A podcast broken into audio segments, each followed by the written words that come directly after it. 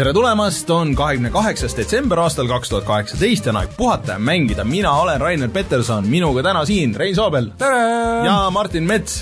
kaks tuhat kaheksateist on läbi. ei ole veel, see on liiga vara, võid oma pasuna käima. kusjuures see on veel okei okay,, et me teeme seda aasta kokkuvõtet kakskümmend seitse või siis kakskümmend kaheksa detsember äh, mulle päris käib närvidele see, et mingisugusest oktoobri lõpust saadik sa näed mingisuguseid aasta kokkuvõtteid, nagu kaks kuud on veel ees nagu detsembris tuli päris veidralt palju mänge vaat see on see, et igasugused Youtube'id ja nende, nende need äh, kokkuvõtted ja need tulevad kuskilt detsembri alguses hakkavad tulema mm, -hmm. aga mhm. see ongi see, et võib-olla, et siin aasta lõpus kas inimesed enam ei pane tähele neid asju või tegelevad muude asjadega mm, -hmm. et siis ongi hea, et me siin viskame selle kohe ära, no aasta mm -hmm. vahet pole, no loeme seda detsembrist detsembrini, see on see mitte majandusaasta, vaid Youtube'i aasta on põhimõtteliselt yeah. Insurgency tuli just sotsiaalmeedia aasta. tead, et Insurgency tuli just välja? Nagu Insurgency? jah yeah.. see esimene osa on ammu väljas, aga sa mõtled seda uut seda uut, jah. Sandstor, ei yeah., see oli ka teine, või okei okay,. ja sai mingi jumala häid arvustusi, võib-olla on see kellegi jaoks aastamäng nüüd nagu ja minu, minu meelest kas need kaks tuhat üheksateist aasta seda mainivad? see ei ole, see ei ole kellegi aastamäng ega, ega midagi, aga minu meelest Just Cause tuli ka juba siis välja, kui juba mingid suurte saitide kõik need aastalistid olid väljas. Just Cause neli on väljas või? Jaa. aa, õige on jaa. ise veel mängid kaks-kolm nädalat tagasi. aga see tuli küll hästi vaikselt ja, jah, see oli see, ma vaatasin see iseloomustab vaata seda aastat väga hästi, et äh, see tuli hästi vaikselt ja läks, mäletad, sa mängisid seda Tomb Raiderit ka? Ah,. loodan ainuke võimalus, vaata, kui see ei tule välja ja ei lähe hästi vaikselt, on see, kui sa oled Fallout seitsekümmend kuus. jah, jah, ei Tomb Raider, jaa, see oli hea see aasta, see Tomb Raider kaks oli väga hea, jah. jaa, aga kuule, me teeme nüüd selle kohustuslikud asjad ära, et kus meid saab ja. leida ja, ja. ühesõnaga siis äh, leidke meid kindlasti ka järgmisel tuleval aastal siis Äh, Delfi taskust, tasku.delfi.ee, äh, kus äh, saate näiteks kuulata seda meie eelmise nädala seda mängumuusika videot, või videot, mängumuusika saadet siis, et see on niisugune traditsiooniline asi, see aasta tuli veel mängumuusika video ja Rainer tantsis lihtsalt kogu saate. et seal, selle oleks võinud sulle teha see on lihtsalt, see Fortnite'i tantse teeme järgi kindlasti. tegelikult, tegelikult ma võiks panna selle lihtsalt, äh, võtta luubid sellest äh, sinu sellest äh, Beat Saberi videost ja siis lihtsalt selle noh, taustaks panna. aga ühesõnaga, kui äh, keegi tahab kuulata tunnikese mänguteemalist muusikat, siis äh, leiate selle Delfi taskust, selle saate, või siis äh, meie SoundCloudist, soundcloud.com, kaldkriips puhata ja mangida, ja, ja kusjuures võib-olla jõuab see ka Spotify'sse, ma ei ole sada protsenti kindel. ehk siis Spotify's oleme ka olemas, Äh, nii et äh, kõigis nendes kohtades või siis iTunesist või igalt poolt äh, sealt saate. Siis meie YouTube'i kanal, kus seda saadet nägi kindlasti lindistamise ajal laivis ja siis pärast oli plaan natuke mängida ja siis eelmine nädal läks video kus seda saadet nägi laivis? jaa, mida me praegu teeme? Oletame, et inimene kuulab praegu, eh, siis, eh, siis, siis ta nägi seda laivis. me teeme praegu laivis seda ja sa räägid tulevikus, et kuidas seda saadet, mida me praegu teeme, seda nägi see... laivis, see Eesti, eesti keeles ei ole niisugust vormi olemas, kus sa oled olevikus minevikus. seda sai on. sel hetkel vaadata ka otseülekandes. saigi kõik on, kõik on okei. Ei, see, mis me praegu teeme, on ühel hetkel minevik. kui sa ajamasinaga wow, mind blown. kui sa ajamasina, ajamasinaga reisid yeah. minevikku, siis sa saad sel hetkel vaadata yeah. reaalajas olevikus seda ühesõnaga, kogu idee on see, et, et hoidke silm peal meie YouTube'i kanalil, sest et kui te tahate tulevikus vaadata meie saateid laivis, siis äh, neid näete meie YouTube'i kanalit youtube.com, kaldkriips puhata ja mangida, kus eelmine nädal läks üles ka, kui te tahate äh, näha, kuidas Rein äh, sama sama pettunud on, siis, siis äh, meie video Diablo kolmest äh, Switchi peal sama pettunud nagu sinu introt kuulates või? jah, põhimõtteliselt küll väga smooth oli Rein, sa lihtsalt äh, lõhkusid ära flow, aga see kõik on sinu süü. aga ühesõnaga, Diablo kolmest tegi, tegime video selle Switchi versioonist ja siis äh, see nädal vist äh, eraldi videot muud ei lähe, kui, kui me mängime, aga järgmine nädal võib ette ära spoil ida, et äh, vaatame Martiniga seda PlayStation üks klassikut ja arvame selle kohta asju.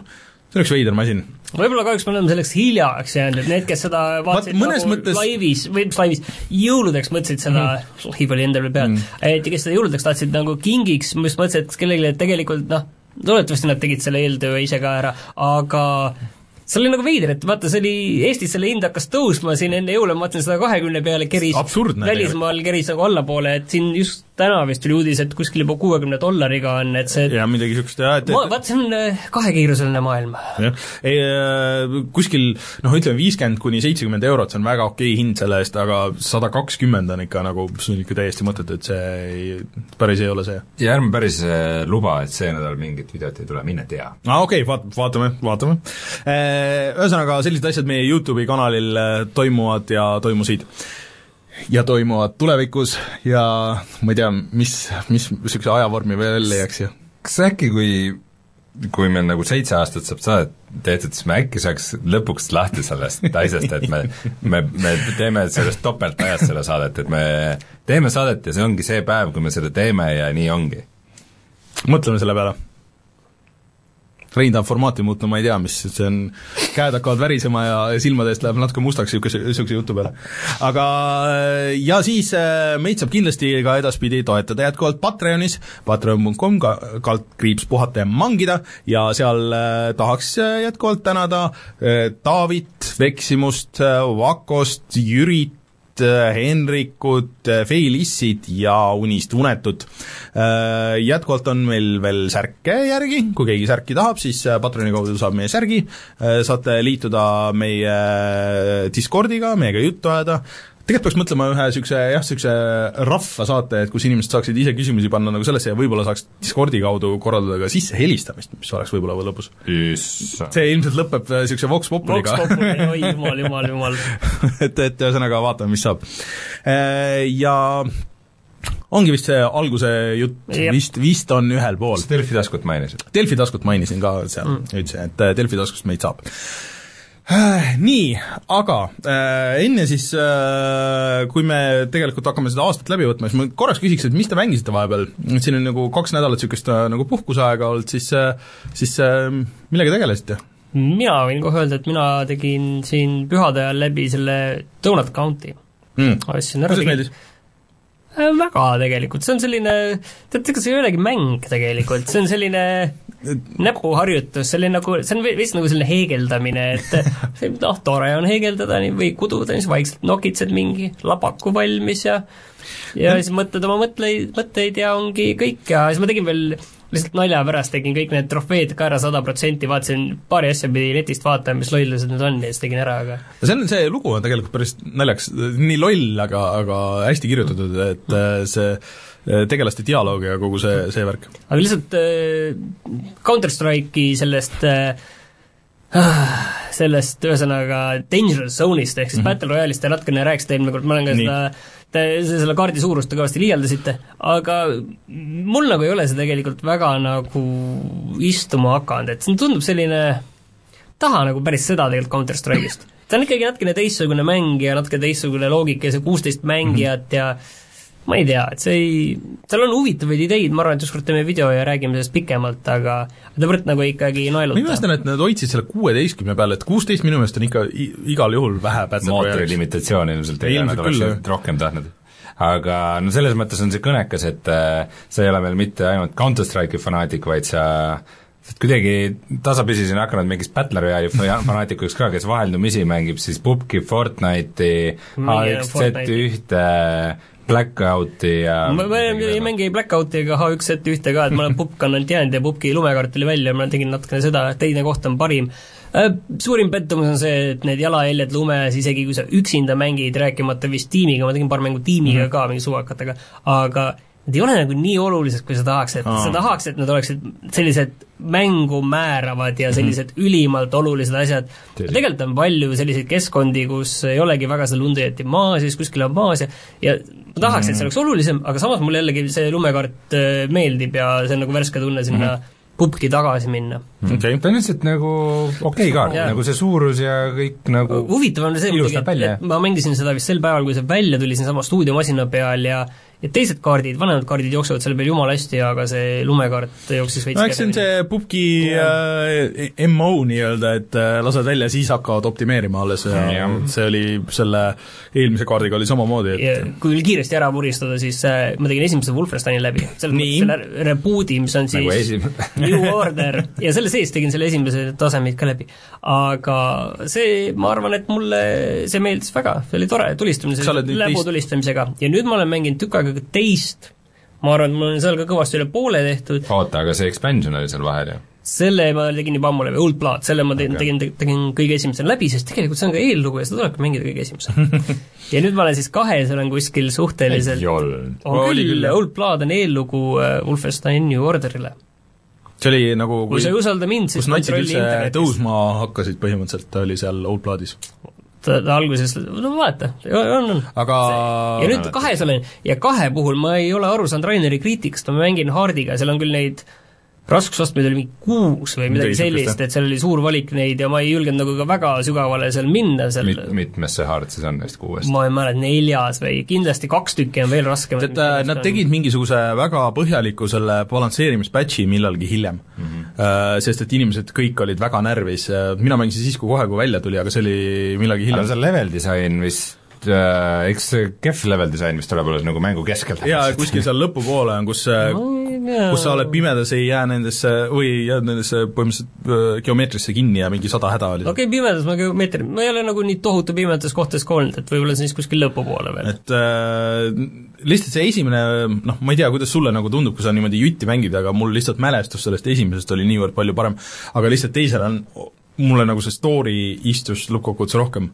Äh, ja mulle meeldis, äh, aga mulle meeldis esimeses, noh näiteks see Haab meeldis mulle esimeses rohkem ja mis see laev ei olnud nagu nii äge. see laev on lihtsalt aga teine sulle see üldiselt nagu meeldib, ma saan aru, et sa oled nagu positiivselt mälestanud. jaa, et sellise lihtsa, lihtsameelse tulistamisena ta on nagu okei okay. Hmm. et huvitav.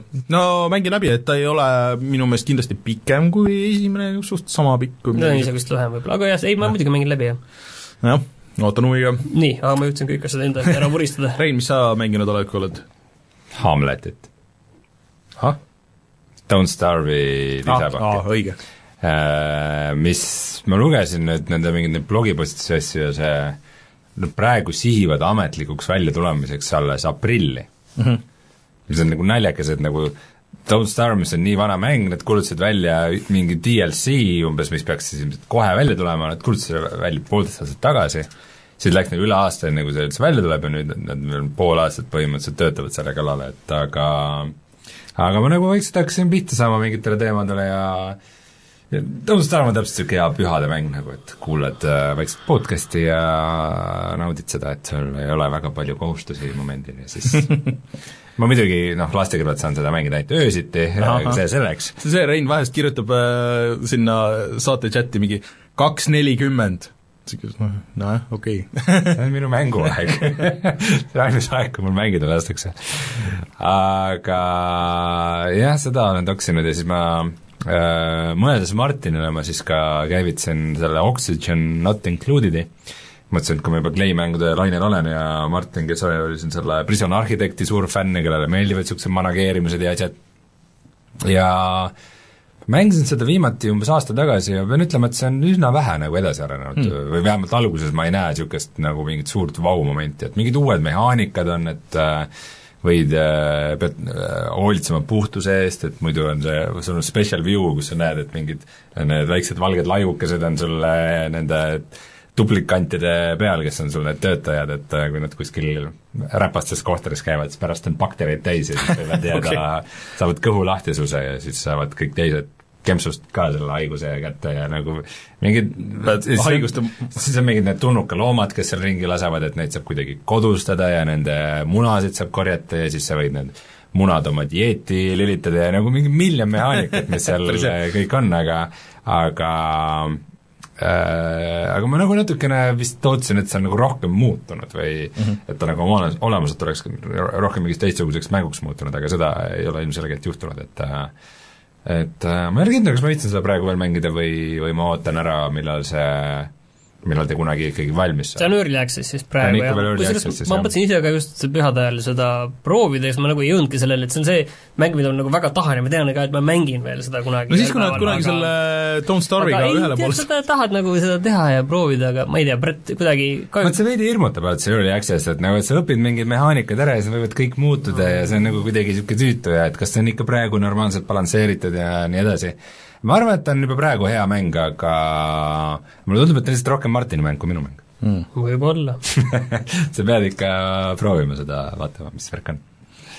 nii, kõik või Ja sina? äh, äh, ma tegin Hitmani läbi, Hitman kahe siis aga äh, mulle ikka väga meeldis see soovitan ikkagi kõigile, sest äh, see on nüüd olnud mitu korda erinevates allahindlustes ka väga hea hinnaga ja koos selle esimese pakiga ja ilma selle esimese pakita ja mingis miljonis äh, konfiguratsioonis, aga aga need levelid on ikka väga tuusad ja seal ikka lõpuks läheb need süsteemid, mida sa nagu teha saad ja kõik need äh, hullused, et need lähevad ikka, ikka väga veidraks seal, aga nagu ägedaks samas.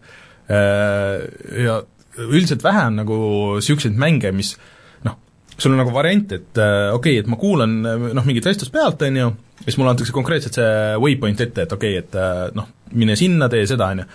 aga ma võin igal hetkel öelda, et äh, samas ma nüüd praegu juhtusin siia, et ma võin seda missiooni jaa edasi teha, aga ma näen, et see mu target nagu liigub nagu sellest ruumist sinna ruumi ja ma enne olin seal kuskil rõdu peal, kus mul on suhteliselt niisugune vaikne šott nagu siia alla, et aa, võib-olla ma teen seda hoopis. ja see on nagu täitsa võimalik, et äh, vaata, kui sa võtad ükstaspuha, mis Red Deadis mulle näiteks käis, noh, siiamaani käib nagu, kuna ma seda ei ole väga mänginud, käib närvidele, et ongi, et noh, sulle öeldakse, et mine siit, mine sinna, ja kui sa lähed sealt, kohati ju vaata on isegi see, et äh, kui mingi jutuajamine on ja sa lähed nagu tee pealt kaldud kõrvale või jääd, korra näed midagi, et sa, mida sa tahad üles korjata, siis on nagu mission failed konkreetselt mm.. ja see on ikka eriti nõme, et see on see Rockstari nagu ajast mahajäämise märk minu meelest, et äh, et jah, et niimoodi oli okei okay mänge teha võib-olla mingi kümme aastat tagasi, et, et siis olidki kõik mängud niimoodi ja siis nii käis ja süsteemid ei võimaldanud ja niimoodi, aga see on, just see Hitman nagu näitab seda, et mida nagu ma tahaks üldse rohkem mängudelt või noh, et et sul on see konkreetne liin, mida sa võid teha, aga samas sa võid iga hetk nagu minna sellest kõrvale, et see, see on ikka väga tuus. et äh, Hitman kahte kõigile soovitan mängida, kes ei ole seda veel teinud. ja siis äh, mängisin seda Katamari Damacy remaster'it päris palju, mis on jätkuvalt äh, väga hea mäng. Äh,, see tuli välja PC ja Switchi peale, ma olen Switchi peal mänginud. äh,. See on siis, et sul on niisugune väike pall ja siis äh, sa oled alguses hästi pisike ja siis lükkad mingeid väikseid asju kokku niisuguseks suureks palliks, põhimõtteliselt see näeb välja väga nagu Don-, Donald County on väga palju inspiratsiooni saanud, et kogu see, kuidas see voice-over töötab seal, aga noh, seal muidugi story on see, et äh, kogu kosmosekuningas oli juua täis ja siis ta kukkus laamendama ja siis lõhkus kõik äh, tähed ära ja nüüd sa pead rullima uued tähed kokku et, et taevas tähed oleks. Äh, ja siis sa rullid nagu asju üksteise sisse ja siis sul on järjest, järjest suuremad need pallid ja äh, aga siis ma jõudsin lõpuks nüüd sellisesse kohta, kus läks see päris raskeks. et äh, ma ei ole ühest levelist nagu kuidagi edasi saanud, et ma olen neid mingi kõrvalmissioone teinud, aga aga sul on nagu ajapiirang, et mis, mis aja jooksul sa pead selle suureks lükkama. et aga, aga see on jätkuvalt fun. ja siis äh, Super Smash Brothersit olen mänginud, Super Smash Brothers Ultimate, see on veider värk nagu, et äh, see on siis võitlusmäng, samas nagu platvormikas, ma ei ole neid vanemaid üldse mänginud, aga see nagu kohati nagu mulle tundub, et see ei ole nagu väga hea mäng, aga samas ma nagu olen seda väga palju mänginud ja ma kuidagi nagu tahaks seda veel mängida. et seal on nii palju sisu, et seal on see story mode, kus kõik Nintendo tegelased, kõik hävitatud, kõik tapetakse ära nagu konkreetselt. Ja siis Kirby on ainuke, kes ellu jääb ja siis et kõiki eest tehakse nagu halvad kloonid ja siis sa pead halva klooniga võitlema ja siis sa vabastad ta ja siis ta on nagu sul mängitav. aga sul on mingi tuhat, nagu konkreetselt tuhat miljonit mingisugust spiritit, mis sa saad veel, et mis on eraldi Nintendo tegelased ja mängud Nintendo mängudest ja teistest mängudest ja ja Final Fantasy test ja Metal Gearidest ja, ja asjadest ja siis sa saad leveldada neid kõiki ja need annavad sulle erivõimeid nagu ja siis sul on erinevad kombinatsioonid, kuidas sa saad neid kasutada eri, nendes võistlustes ja see on, see on lihtsalt nagu nii palju asju ja sa kogu aeg nagu saad mingisuguseid asju ja siis sa saad kogu aeg upgrade, ja siis sa veel story mode'is upgrade'id ennast ka veel, et see on veel eraldi nagu asi, ja see on lihtsalt nagu nii palju mehaanikaid ja nii palju sisu, ja siis lisaks veel sellele tavalisele, sul on see arcade mode, kus sa võtad ühe tegelase ja siis mängid mingi ports äh, neid äh, võitluseid nagu läbi ja siis noh, nagu sedamoodi või siis sa võid online'is mängida, aga kõik mängud, mis ma online'is olen teinud, kõik on väga halvad olnud et selles suhtes, et täielik nagu lagfest, et noh, sul on mingi kümme kaadrit sekundis, viisteist kaadrit, sihuke, ma ei tea, kuidagi ei saa nagu filtreerida välja ka, et et mis taseme ühendust sa tahad, et seda on väga palju kirutud näitis. et see on ikka väga halb siiamaani olnud. Switchi online teenus on lihtsalt nii hea. ei, see ei ole Switchi, aga see on äh, vist, et suurem osa ka inimesi, et noh, Nintendo ise ütleb, et aa oh,, et äh, parima kogemuse saamiseks, et osta see USB dongle, et kasutada seda võrgukaablit ja et mängi dokitud versioonis nagu, kes need teevad, kui mitu inimest nagu seda teeb et kui hea wifi on inimestel kodus, noh, meil siin Eestis on nagu päris hea wifi, aga kuskil nagu jumal teab, kus kohas, on ju et äh, saaks vähemalt ära filtreerida, et okei okay,, et kui on ähm, vilets connection, siis ära üldse nagu hakka üldse vaeva nägema, aga niisugune ei mm. -hmm. ja aga seal on lihtsalt ka miljon viisi, et kuidas sa saad mängida, et kas, et sa kunagi ei tea nagu, kui sa mängu alustasid, et kas nüüd äh, lähme nagu äh, nullist sajani või vastased on, sul on võib-olla neli vastast ja võib-olla vastase on pisike ja võib-olla sa pead äh, aja peale vastu pidama, võib-olla sa pead nagu äh, teise mingisuguse skoorini läbi peksma, et seal on nagu lihtsalt nii palju asju ja sellest on nagu väga raske olnud läbi närida, et eriti arvestades, et ma ei ole kunagi nagu mänginud teisi Smash'e aga, aga see on kuidagi nagu huvitav, et seal on, midagi seal on nagu selles mängus, aga ma ei ole siiamaani aru saanud, et mis, mis see on, et kas see tõesti nagu see paljusus või kogu aeg tunned, et numbrid lähevad suuremaks, et kas see on see, mis annab nagu selle sest mõned võitlused on hästi, hästi lihtsad, kestavad mingisugune kakskümmend sekki, mõned on see, et sa teed mingi viisteist korda nagu ja lihtsalt üritad nagu täpselt mingi strateegiat kellegi vastu saada nagu ja mis täpselt see on üks müstiline mäng on see. ma siia ühe asja veel ütlen peale, mis on selline poolsoovitus ka, mis on Steamis praegu alla hinnatud, see on äh, üle-eelmise aasta mäng mm., äh, mille nimi on siis Event Zero, et äh, event ja mm -hmm. kaldsulgudes on null sees mm see on selline suht lühike mm, mäng, kus sa oled maha jäetud kosmoselaevas mm, -hmm. kosmosejaamas, kaheksakümnendate sellise fiiliga, ja sa suhtled, ainuke asi, kes seal veel on, on see pardarvuti ja suhtled sellega terminalide kaudu ja saad sisestada vaba teksti mm et ongi, et alguses lähed sinna peale ja, ja, nagu... ja lähed, lähed sinna arvutisse või noh, esimene ongi ruum, uks on kinni, on ju, mhm. ja siis äh, ainuke asi on suhtled sa arvutiga, sul ei ole mingit käske ette antud, siis seda ongi, et e, open okay. door ja siis ütleb, millist ukse sa tahad, siis vaatad. -hmm okei okay,, tee kaks, door kaks, on ju, siis saad hakata vaba teksti ajama, aga noh, seal muidugi arvutil on tunded, on ju, et mm -hmm. siiski kosmoses ja kosmoses teadupärast on arvutitel tunded, on ju, ja ei, tundub huvitav, aga ma olen teda tõesti pool tundi või tund mänginud ja see on tõesti mingi kolm-neli tundi ka, et aga selle kohta on öelda, et et see näeb välja, et see on jõle kehvalt jookseb nagu mul. et ta äh, näeb välja ja tundub nagu tech demo, aga selle süda on palju suurem sees kui e-, enamikel tänapäevastel hmm. mängudel. ja see tundub küll väga huvitav siiamaani, ma ei julge nagu lõplikku hinnangut anda, aga, aga see on kindlasti asi, mis ma tahaks läbi teha. peale selle, et Tacoma oli ka praegu odav, et see natuke sarnane mäng, sest nad mõlemad on sellised mm, äh, kosmoses, jah. kosmose käimissimulaatorid, aga see Event Zero on kindlasti rohkem mäng. chatis küsitakse äh, minu Oxygen Not Included'i jutu peale, et äh, Rimworld, Prison Architect või Factoria, et nendest kolmest ja ma, mina ütleks, et Factoria on natukene teine mäng, et, et selle Rimworld'i ja Prison Architect'i ja Oxygen Not Included võib nagu kokku panna, et kõik on, sul on nagu mingisugune meeskond, sa jagad tiimid äh, nagu tööd laiali, samal ajal hoiad neid elus, Factorio kindlasti ei ole puslekas, see on ikka väga valesti öeldud, aga Factorio on pigem nagu mäng automatiseerimisest, et äh, kus sa proovid niisuguse suure tehase omal äh, üles ehitada, et no okei okay,, kindlasti seal on mingi ühisosa nende Rimworldi tüüpi mängudega ka, aga aga ma arvan, et ta sügab mingit veidikene teist sügavust aga lähme nüüd selle aasta oota, ma tahtsin veel öelda, et tegelikult äh, mul on ka Pokemon, mida ma ei jõudnud mängida, aga mul on tegelikult olnud üks projekt, millega ma olen, sellesse ma olen kõige rohkem aega pannud terve see, see äh, jõuluvaheaeg. ehk siis, kõige selle jut-, nende minikonsoolide peale, iga jumala see minikonsool, mis on välja tulnud, siis keegi ütleb, ei, ei, miks sa raha raiskad selle peale, et äh, osta parem Raspberry Pi ja pane ise üles Raspberry Pi see emulaatormasin.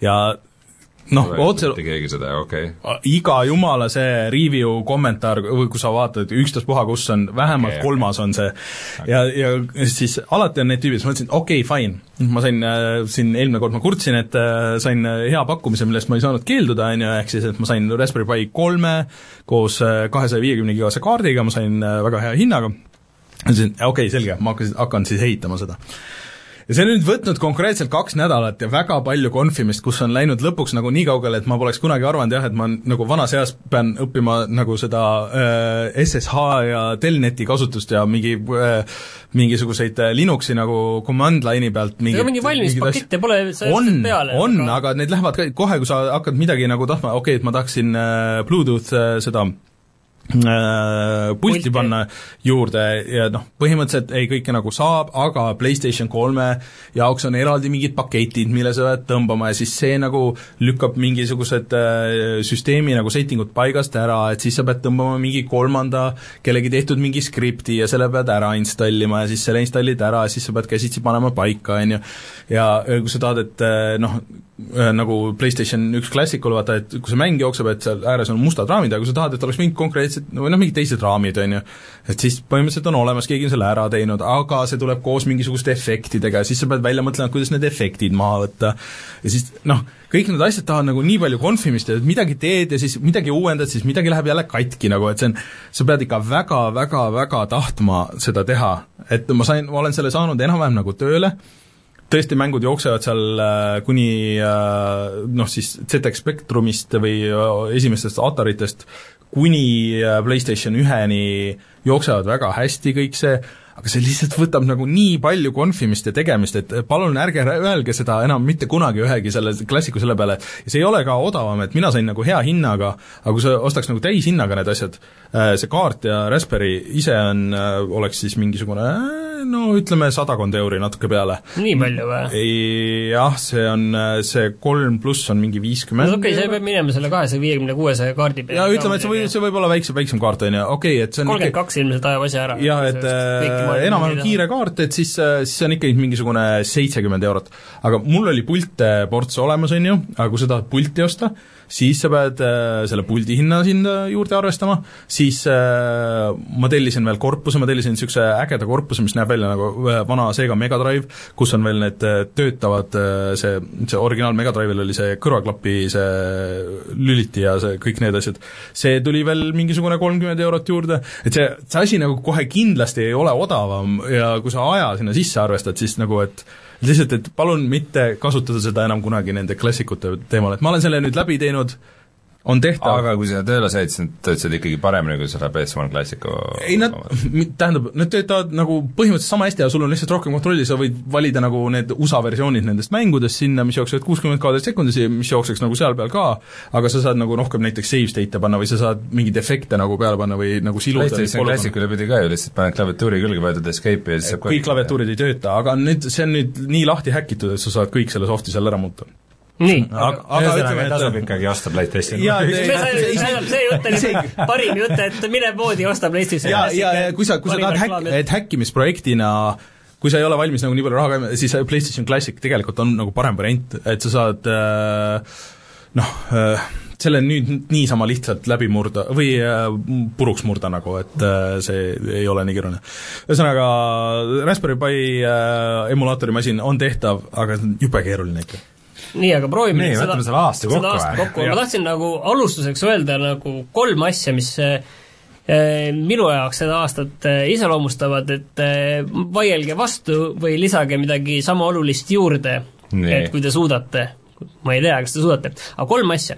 et ja need kõik on omavahel tegelikult teataval määral seotud, võib-olla üks ei ole ka nii palju, aga igal juhul kolm asja. Äh, väga oluline minu arust on see, et äh, Gamepass, Microsofti Gamepass muudab väga palju seda, kuidas, äh, kuidas me mänge ostame. et mul ongi, Rainer, sulle kohe küsimus, et mitu Microsofti mängu sa see aasta oled ostnud äh...? Xboxile, mitu mängu? Xboxile noh, näiteks äh, tegelikult Hitman ja, ja siis äh, Red Dead Redemption. Red Dead Redemption ja Tomb Raider ja see on Rush, Rush. On Rush jah, kuigi see on nüüd ka Gamepassis aga tegelikult nüüd veel aasta lõpus tuli väga palju niisuguseid suuremaid indie-reliise, Microsofti enda reliise, kõik day one kohe Gamepassis. ühesõnaga, day one me räägime sellest, et Microsofti need Xboxi suured eksklusiivid, et sel päeval, kui nad tulid müügile, siis sel päeval sa said need sinna Gamepassi. ehk see, kui sa vanasti pidid esimesel päeval läksid poodi, ostsid kuuekümne euro eest mängu, siis nüüd sul on see kümneeurone see on isegi praegu vähem, Kaheksa. ei, see on äh, vist mingi seitse, kas see seitse naela või mingisugune absurdne see oli summa. vaata nii vähe, vaata. suured Microsofti eksklusiivid nagu Sea of Thieves või? oota, see on teine, see ei ole, vaata, see isegi, mis need on, vaata, vaata isegi, mis need on, ei ole oluline. mõnes mõttes need, mis need mängud on, ei olegi oluline, aga vaid oluline on see, et need tulevad. aga näiteks see Sea of Thieves'i ma ei oleks elu sees proovinud ka, ma arvan, väga paljud inimesed, kes isegi nagu jäid seda mängima, ei oleks kunagi seda proovinud, kui see ei oleks Gamepassis olnud. võib-olla osad neist veel ostsid nagu kosmetsi ja asju ja see juba tasus ära nagu. Võib-olla nad võtsid paar sõpra ka nagu kaasa ja, ja juba tasus, selles mõttes ei tasunud ära, et kui see on nagu mäng, mille sisu ja teostus on nagu niisuguse tasuta mängu tasemel ja siis nad äh, panevad selle No. Gamepassi ja lasevad ka kuuekümne dollase hinnaga vaata, te räägite praegu natukene liiga palju sellest aiaaukudest siin tegelikult, oluline on see, et Microsofti need suured mängud tulevad mm. -hmm. et Microsoft ja isegi mitte ainult Microsofti, et jaa, seda ka ja mitte jah, aga esimesel päeval on igal juhul raudkindel, et kõik need Microsofti suured eksklusiivid tulevad. Et see aasta jah, me oleme kõik nõus, et äh, Sony eksklusiivid sõitsid sellest üle, Microsoftid sõitsid ka Nintendo omad üle, Switchi omad. Aga järgmisel aastal või ülejärgmisel aastal saab olema väga huvitav, sellepärast et Microsoft ütles, et uued konsoolid on tulemas, saame näha, kas siis järgmine aasta, aga Microsoft on palju stuudioid ostnud juurde, neid eksklusiive tuleb juurde, see on kindel. viie-kuue aasta pärast. Tea. varem, aga ütleme, et see, et me ei lähegi isegi detailidesse mm., aga ütleme, et tulevik näeb Microsofti jaoks äh, välja palju parem, kui äh, see praegu on ja see näeb välja palju, palju selles mõttes no, huvitavam, et see on teistmoodi ja see on see, mis muudab seda, kuidas neid mänge see Gamepass näiteks mul äh, üks äh, sõbranna ostis oma pojale, ostis äh, just Xboxi nagu selle, selle pondiga, et okei okay,, et tahab mängida Fortnite'i ja siis on Gamepass, et kus saab veel mängida mänge ja see oligi, et noh, teda nagu ei huvita väga see resolutsioon ja mis iganes nagu need miinused on, see Xbox One S-i peal siis. Et äh, see on väga hea viis, kuidas äh, saada väga odavalt äh, väga palju mänge mängida nagu ja ma tahtsin öelda, et see on nii odav, et kui Rainer selle Gamepassi endale tegi alguses, siis see alguses oli oluliselt mõttetum, et seal oli mingi valik noh, mänge, aga noh, Raineri puhul ei häda sellest, oli enamik neist mängijad, millest mm, millest ta nagu hoolis, need olid mingi aasta-kaks vanad mängud, ju, ta oli kõike mänginud, aga ta unustas ära, et tal oli see tehtud ja see oligi see kuupõhine tellimus, on ju, ta unustas ära ja siis, kui see, Ja see Gamepass muutus olulisemaks jälle, tulid need esimese päeva mängud, siis Rainer vastas, et aa, näed, mul on see kohe aga, kolm. aga see on, äh, praegu näiteks on äh, kahe naelaga on olnud pakkumine, et äh, võtta kuuks ajaks. Mm.. et äh, ei noh, ma teen nalja Microsofti üle palju ja nad kindlasti ka väärivad seda, aga ma olen nõus, et see võib tegelikult nagu näidata mingit suuremat muudatust, et äh, üldse nagu viimasel ajal tundub, et äh, et selles mõttes on hea mängumaailmaga kursis olla, et need varem või hiljem nagu need muudatused tulevad ka nagu ülejäänud elusse et äh, kuupõhine toit või? ei no mul sõber rääkis, kuidas äh, põhimõtteliselt on olemas tellimus, et sa saad teha äh, subscription'i äh, aluspükstele. et sa maksad kuutasu ja sul tulevad äh, uued äh, trussikud äh, postkasti iga kuu, et nagu niisugused noh, kuna inimestel lihtsalt ei ole aega nagu asjadega tegeleda, Ei viitsi. nad, nad ei viitsi mõelda asjade peale, nad on valmis mingisuguse summa raha välja käima, et neil oleks mingi teenus olemas, siis ka mängude puhul kindlasti see, see on nagu üldiselt niisugune niisugune hea viis, et sa ei pea süvenema teda teemasse, aga sa saad aeg-ajalt, kui sul on tuju mängida, sa teed selle lahti, vaatad, mis sul seal on, oo, midagi ägedat, see võib meeldida. Iseasi, kas see nagu kas see lühikeses plaanis ära tasub, et äh, ikkagi kui võrrelda, et äh, iga mängu hind on kuuskümmend daala versus see, et, et et see kindlasti doteerib sealt nagu täpselt, see, see ongi see, ei Microsoft praegu igavesti, et ühtegi asja ei saa doteerida igavesti. Nad võivad selle, kui see ei tasu ära, nad võivad selle ühel hetkel nagu kinni panna. Kui see tundub, et, et see diil on nagu liiga magus, ei, aga seal lihtsalt mängud tulevad ja lähevad, sellega pead nagu küll arvestama seal, et, et ega need mängud ei ole sul vaata igavesti, et äh, näiteks oligi, kui Soul Calibur välja tuli, Soul Calibur kuus siis, siis ma mõtlesin, et oh, et äh, Gamepassis olid need äh, üks ja kaks, et ma läheks mängiks, aga neid ei olnud seal enam. vot see on võib-olla kõige kehvem asi tõesti selle Gamepassi juures ja mingi hetk mul on tunne, et nad peavad selle asja ära lõpetama. et need mängud, mis sul on, need on, seda Sony on vastanud sellele praegu niiviisi, et äh, selline PlayStation Now mänge sa saad ka siis alla tõmmata osasid PlayStation nelja mänge ja, ja see ei tööta Eestis. aga kui sul see Now ära lõpeb, kas sa, kas need jäävad sulle alles, kas need jäävad sulle mängitavaks äh,? Ei, need ei jää sulle mängitavaks, see on teenus. see, see on sama... teenusega, see erinevalt PlayStation plussist, mis on ka teenus, aga, aga, aga, aga see on sama ju, ei see on ju sama seal äh, Gamepassis ka, et sa tõmbad alla ja siis aga nad pakuvad sulle alati nagu head diili tegelikult, et äh, kui sa tahad ära osta selle eest, seal on isegi kohati vist kuni nelikümmend protsenti alla vist, et äh, mis ma nüüd ära tahan osta? No et kui sa ole, minu meelest nad on ette hoiatanud, et oh kuule, et sellel kuupäeval see võib ära minna, et kas tahad, kas tahad seda eh, nagu igaveseks endale jätta, et siis maksa see nagu on muidugi see asi, et kõige hullem, mis võib tulla, on see, et mitte see ei ole selline globaalne, et see mäng läheb välja, see kaob ära, vaid me teeme selle personaliseerituks.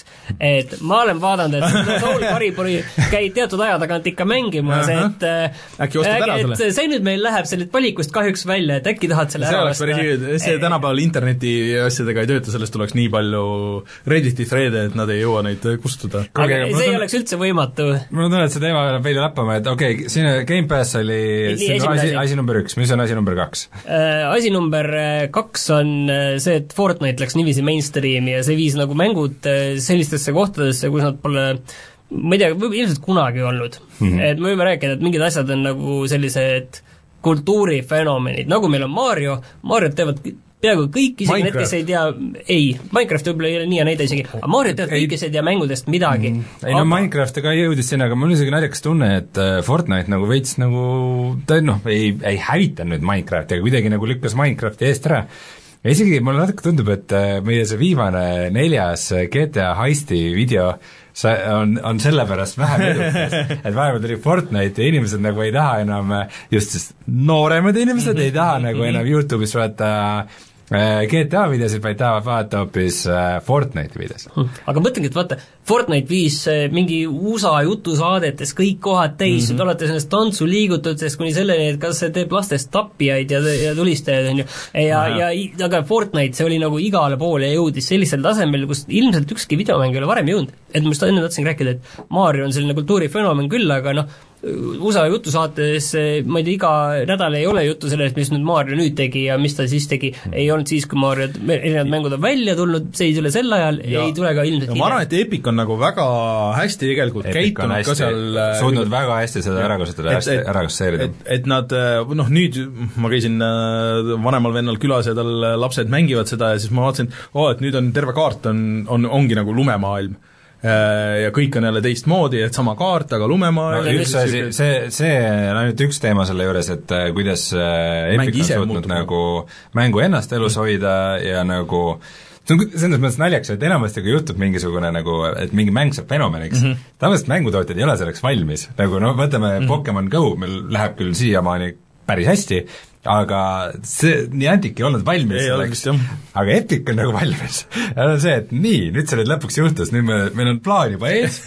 Nii, me teeme seda, seda, seda, ja et läheb veel edukamaks, ahah, okei okay,, nüüd läheb siis see plaani teine osa ka käiku. teeme oma poe, teeme oma poe, oma Minecrafti, oma nagu crossplay asjad nagu kõik vaata, see on see asi, et nad on äh, piisavalt suured ja piisavalt väiksed, mis annab mm. neile selle, täpselt selle paindlikkuse endal neid asju skaleerida ja mõeldagi, et me teeme siia selle asja juurde kui see oleks nagu selline Microsofti moodi suur ettevõte, no siis seda laeva pöörad ja yeah. pöörad, täna me teeme niiviisi, me teeme kolm aastat veel niiviisi ja siis me neljandal aastal teeme selle Gamepassi ja, ja siis tuleb aasta edasi, siis teeme Gamepassi paremaks, aga noh, Epic ongi vaata piisavalt väike ja mm. aga samas piisavalt rikas et saab neid asju niiviisi kiiresti-kiiresti teha lihtsalt mm. aasta jooksul, noh, meeletu, meeletu hunnik asju ma ütleks, ma praegu ütleks, et Epic nagu üldse kõigest tundub üks aasta suurimaid äh, võitjaid, et äh, ei, kindlasti. teinud ja ja just see, mis nad siin aasta lõpus on äh, toimetanud, et see no tegelikult see oleks võinud olla eelmine kord, ma, ma tegelikult tahaks sinu mõtteid teada sel teemal, et kas sa arvad, et see Epicu pood läheb crossplay poeks?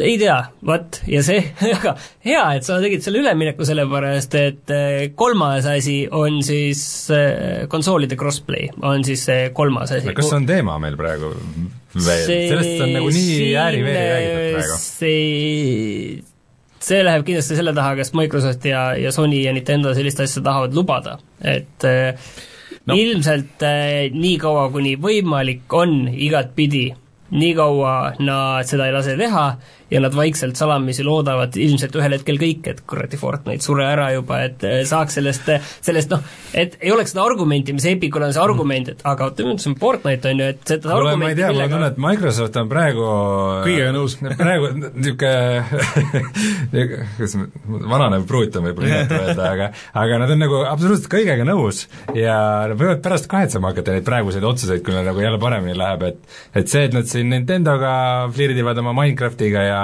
ja nad on väga nagu rakendanud selle oma kuidagi promovaguni ette, et Sony ei lase siin crossplay'd teha mm., aga meie küll laseme. ei no Sony ikka murdus lõpuks, aga, aga selles mõttes, et äh, kui isegi täis nagu täpsustada tegelikult, kui palju Sony murdus, äh, sest et see teema oli alguses see, et äh, et kui sa olid teinud oma selle Fortnite'i konto PlayStationi peal, siis sa ei saanud nagu oma kontosse sisse logida aga kas sellest tehti hiljem mingi asi, kus nad saavad need kokku panna, need oma kontod ja, ja see et, tehti. et sa ei jää oma stuff, et sinu stuff ei ole nagu PlayStationi peal lukus. jaa, see tehti hiljem uh,. Stuff, mis sa oled ostnud, aga kas, kas see ei ole ju crossplay, see, et sa ei, saad ei, nagu nüüd sa saad mängida igal pool. sul on lihtsalt see häda, et sul oli kaks kontot ja. ja et sa saaksid teha, siis pead nagu, kui sul on kaks kontot, siis sa pead tegema selle valiku, et millise konto sõbralistid olid ka eraldi. hakkan seal äh, crossplay's mängima, on ju. ehk siis sinu Epicu kuigi sa saaksid mõlemaga, aga sinu, sinu, praegu me oleme siis juba olukorras, kus sinu Epicu konto on tegelikult PC Xboxi, Playstationi, Switchi, Switchi, Androidi ja iPhone'i jaa, jaa, aga no see on varem olnud see on väga suur asi. jaa, mängida no, saab, ei, aga praegu peaks saama risti mängida kas sa mängid kõikide vahel risti siis? mina, minu meelest küll. küll, aga selles mõttes, et see ei ole ka mingi uus asi, sellepärast et äh,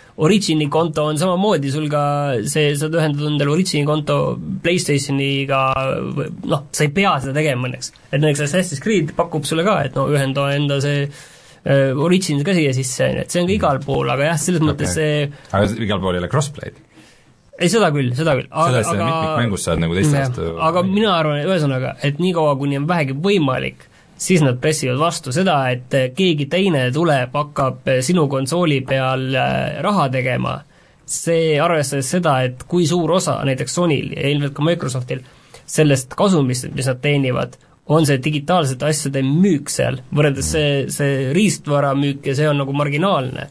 et see on nii suure, kõige nagu õrnem koht, kuhu tegelikult ei tohiks nagu kedagi teist lubada ja neil on vähemalt füüsiliselt võimalik neid sealt väljas hoida, et aga praegu, praegu kiirelt vaatasin järgi, siis peaks saama Fortnite'i mängida kõikide konsoolide peal risti mm., et et vali... intellektuaalselt su mõte on väga huvitav aga ma arvan, et äh, see on äh, äriliselt kasumlik ainult ühele firmale. aga, aga see, aga see võib ka olla niimoodi, et sul on näiteks, et äh, sul on see mäng näiteks olemas seal ja sa saad mingi väga suure alega osta, et sa maksadki selle protsendi vahe, maksad kinni ja siis sul on olemas see mingi, mingi ma, mäng ma nagu arvan, et see on, ma ütlen, intellektuaalselt huvitav mõte, aga ma arvan, et okay. see, niikaua kui on võimalik, siis nad hoiavad seda tagasi, et nad ei taha lasta aga see, ütleme, et nad on juba nagu värevad lahti paukile lasknud no, ja sealt juba asjad hakanud liikuma mm.. nii, aga need olid need minu kolm asja, minu kolm asja, et mis teil nagu nüüd lisada on, et kui mina ise veel tahan lisada, siis ongi see, et äh, ma kohe kontrollin, kas see on praegu veel, aga äh, millest me rääkisime lihtsalt pikemalt äh,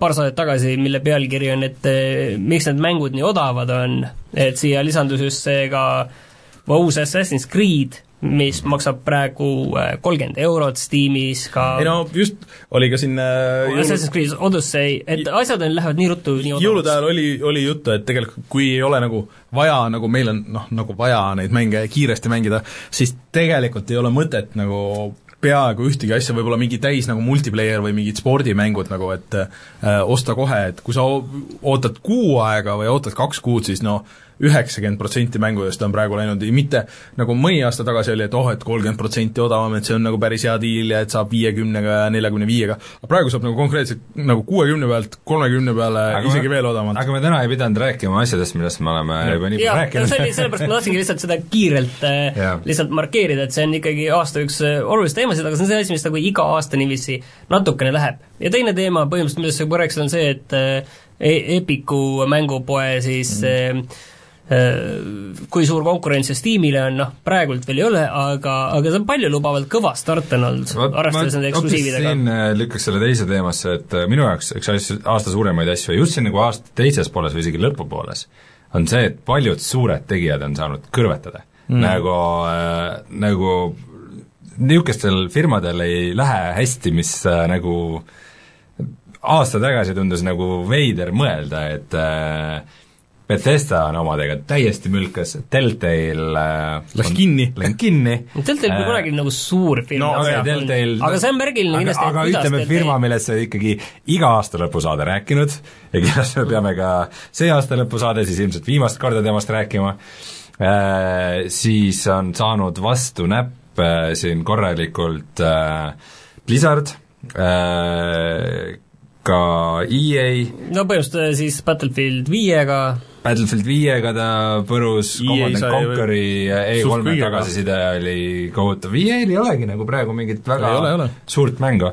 ka võib öelda, et Call of Duty'l tegelikult ikkagi ei läinud väga hästi, et kas te rääkisite eelmine kord, et ka, et see, et eraldi tõsteti juba see zombid tõsteti välja sealt mängust, et jah, et et juba tehti ka selle põhimõtteliselt hinnaalandus selle Black Ops neljale. et selles mõttes ikkagi toimuvad nagu huvitavad asjad, et ja ka Valve ka Valve'i maine on äh, praegu nagu seoses artefaktiga suhteliselt madalal äh,, kuigi see inimestele ei meeldinud see? no see on nagu so-so ja see, kogu see monetariseering, et äh, kui Team Fortress kaks oli nagu mäng, mis äh, suutis free-to-play nagu tuua massidesse mm., nad tegid seda nii õigesti, siis nagu Artifact teeb kõik valesti. aga ma olen muidu aru saanud, et Artifact niisuguse kaardimänguna, et kuna seal üks nendest äh, loojatest oli see Might, selle, mitte Might and Magic, aga selle Magic the Gathering, Magic the Gatheringi mees, et et see mänguna tegelikult pidi nagu isegi päris hea olema, et kui mm, -hmm. kui mitte arvestada seda, seda monetiseeringu värki. no aga see on osa sellest mängust no,. Et... aga mis tegelikult seotub lihtsalt, seostub lihtsalt selle Telltale'iga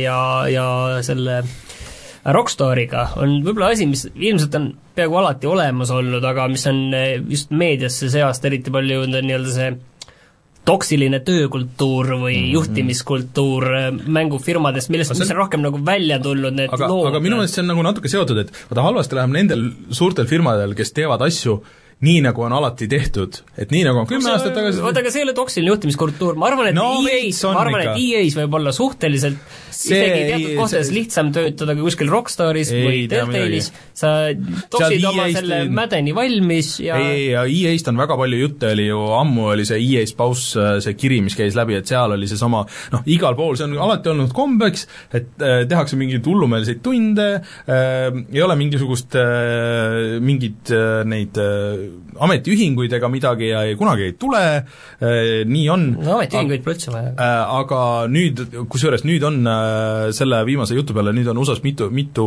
seda ametiühingu alget tekkinud mängu nendele. tegelikult on nagu hea Äh, aga mida see kõik võib tähendada, on see, et võib-olla mängud ei ole nii odavad varsti ja võib-olla mängud ongi nagu natuke liiga odavad. vot, aga siis jõuame teisele poole, et Gamepass tahab neid kõiki mänge ära anda sul kümne euroga, on ju. Mhm. et ütleme, kas tegelikult see no, kas see, see mingi... tööstus on valmis selle jaoks, et et niiviisi no, hinnaga neid ära anda, nagu siis me jõuame sinna juba varsti, et see on nagu Spotify ja muusikud, kus muusikud loevad kokku, et samamoodi. me teenisime selle fantastilise albumiga nüüd kolmteist eurot ja neliteist senti, et mm, -hmm. et põhimõtteliselt on on äh, loojad need, kes selle kinni maksavad, et äh, et mingi firma toob väga palju väärtust äh, kliendile väga väikse raha eest. Netflixile iseenesest pidi olema päris hea teha nagu asju, et, et nad annavad sulle mingi raha ja siis sa teed selle valmis selle raha eest, mis iganes sa teed, ja siis nad panevad selle üles ja ongi no jaa, aga siis pole sul ka midagi öelda ega hädaldada, on ju, pärast, aga Spotify ei tee nii, et tee ja. see album meile ja siis see on äh, loojate jaoks üks kõige halvemaid diile, kui sulle antakse fixed summa raha ja, ja sulle pärast mingid õigused ja, ja et see, selles ei ole midagi head. aga lihtsalt ma võin kiirelt ära markeerida ka selle teema veel, et et võib-olla isegi õnneks oli suhteliselt äh, riistvaravaba aasta, et siin no, ainult see PlayStation üks. võib-olla kuskil midagi veel, aga ilmselt mitte väga olulist, et kas see SNES Classic ei tulnud? ei, see oli ikka üle-eelmine aasta, et me saime kätte aasta alguses, aga jah, see oli iseenesest äh, tegi asjad lihtsana, aga ilmselt eks see on ka vaikusena torm, jah, see nii, aga nüüd võite äh, see torm on siis see, et järgmine aasta on uued konsoolid no kindlad. kuulutatakse välja kuulutatakse vähemalt. välja, ma arvan ka, ja siis kaks tuhat kakskümmend on uute konsoolide aasta. no ilmselt tundub niiviisi, jah, aga mis saame näha saame näha. aga Microsoft aga ei, aga nüüd, kui me juba seda teemat puudutasime, see on tegelikult suur teema, et kas te arvate, et kaks tuhat üheksateist ei tule, mina arvan, et kaks tuhat üheksateist kuulutatakse välja ja aasta lõpus kaks tuhat üheksateist ilmselt tulevad need nii-öelda Xbox One'i need uusversioonid, millest üks on see eriti ja odav Switchi on, uus versioon ilmselt. üks Xbox One'i versioon on siis ilma selle Blu-ray lugejata, et mis teha seda odavamaks, et ongi ainult digitaalsete mängude jaoks, mis ka iseenesest no põhimõtteliselt Gamepassi, Gamepassi masin see on, no see on põhimõtteliselt nagu Vita peaaegu, paar aastat hiljem, no seit-, seitse aastat hiljem on ju, nagu Vita. Et äh, miks ta on nagu Vita no Vita oli ka digitaalse platvorm praktiliselt, kuigi tal oli okay. see lugeja olemas, siis sisuliselt aga oli digitaalne platvorm. ja Switch'ist äh, ilmselt tuleb ikka, Nintendo'l alati on läinud umbes kaks aastat, enne kui tuleb see uus versioon mis iganes konsoolist, äh, ja järgmine aasta peaks see aeg olema, siin on nii üht koma teist, mida nad võiksid nagu uuendada selle puhul, et äh, mis on siin juttu olnud, et parem aku ja, ja võib-olla nagu natuke läbimõeldud äh, teistmoodi need kinnitused ja võib-olla parem dokk näiteks. Mm, -hmm. ja mingi, mingisugused niisugused asjad, mis ei ole küll mingi eriline jõudluse poolest, aga lihtsalt nagu niisugune disaini muutus, et niisugune noh, äkki mugavam käes hoida või, või, või kuidagi sel-, sellist midagi et või, või siis mis kohe algusest peale räägiti, et oh, kohe-kohe tuleb äh, miniversioon, et kus sul näiteks need puldid ei käi ära, et äh, mis ongi nagu niisugune konkreetne Vita asendus, niisugune äh, käsikonsool. et arvestades, et äh, 3DS on ikka nagu suht koht nüüd on nagu kõik, et see Bowser's Inside Story remaster tuleb jaanuaris ja siis vist küll midagi suurt nagu enam ei ole, et, et oleks aeg nagu see, see, see generatsioon nagu lükata kuskile ära, et, et et äh, nad võivad täitsa tulla niisuguse käsikonsooli versiooniga Switchist. see oleks päris huvitav mõnes mõttes. Martin, kas siis sa ostaks lõpuks äh, Switchi või? ma ei tea, eks võib kaaluda ja mõelda, aga sul, sulle see on, kusjuures Switchist on saanud selle aasta jooksul konkreetselt see, see uus Vita indie-masin indie-mänge, nii vanu kui uusi, väga palju on tulnud äh, niimoodi, et mis tulevadki ainult äh, Switchi peale ja PC peale. näiteks see Gris äh,, mida ma kindlasti tahan mängida, aga ma veel ei ole jõudnud tuligi ainult PC ja Switchi peale, see Messenger tuli ainult PC ja Switchi peale, et väga palju noh, ongi ainult niisuguseid diile, et keegi ei viitsi Microsofti ja Sonyga nagu ajada neid teemasid, et et minu meelest see on äge, et ma olen kuulnud, et Nintendo annab vist päris okeid diilid ka nagu tegijatele, et, et neil on nagu motivatsiooni seal. aga veidikene siin, mulle meeldib siin aasta lõpus natuke üldistada asju, et, et muidu me räägime tavaliselt mingist ühest spetsiifilisest mm. uudisest, aga praegu on niisugune hea hetk mm. nagu tõmmata korra veidi kaugemale ja ja kui ma vaatasin äh, nagu neid aasta mingeid suurimaid äh, prohmakaid ja, õnnestumisi, siis äh, üks asi minu jaoks kuidagi natuke kumas sealt äh, tagant läbi äh,, mängumootorid. et no see on miski, mis on nagu kogu mm. aeg oluline olnud, alates juba, ma ei tea, esimesest tuumist nagu tuli välja, et see on, oo, et sa teed hea mootori ja siis selle arvelt saab nagu teenida raha ja ka muidu saada oluliseks tegijaks ja aga just äh, esiteks äh, äh, siis Epic ja nende Unreali mootor mm, -hmm. et tänu nende heale mootorile, heale toele äh, oli neil võimalik nagu Fortnite'iga nii kiiresti laieneda, nagu nad seda tegid, ja siis kaks suurt promokat, esiteks siis äh, Bethesda Fallout seitsekümmend kuus, kus äh, nad hoidsid omaenda mootorist, mis oli igatpidi iganenud, mitte ainult, et hoidsid sellest kinni, vaid üritasid sellega teha asju, milleks see absoluutselt mõeldud ei olnud. Ja, ja nagu põlesid sellega totaalselt.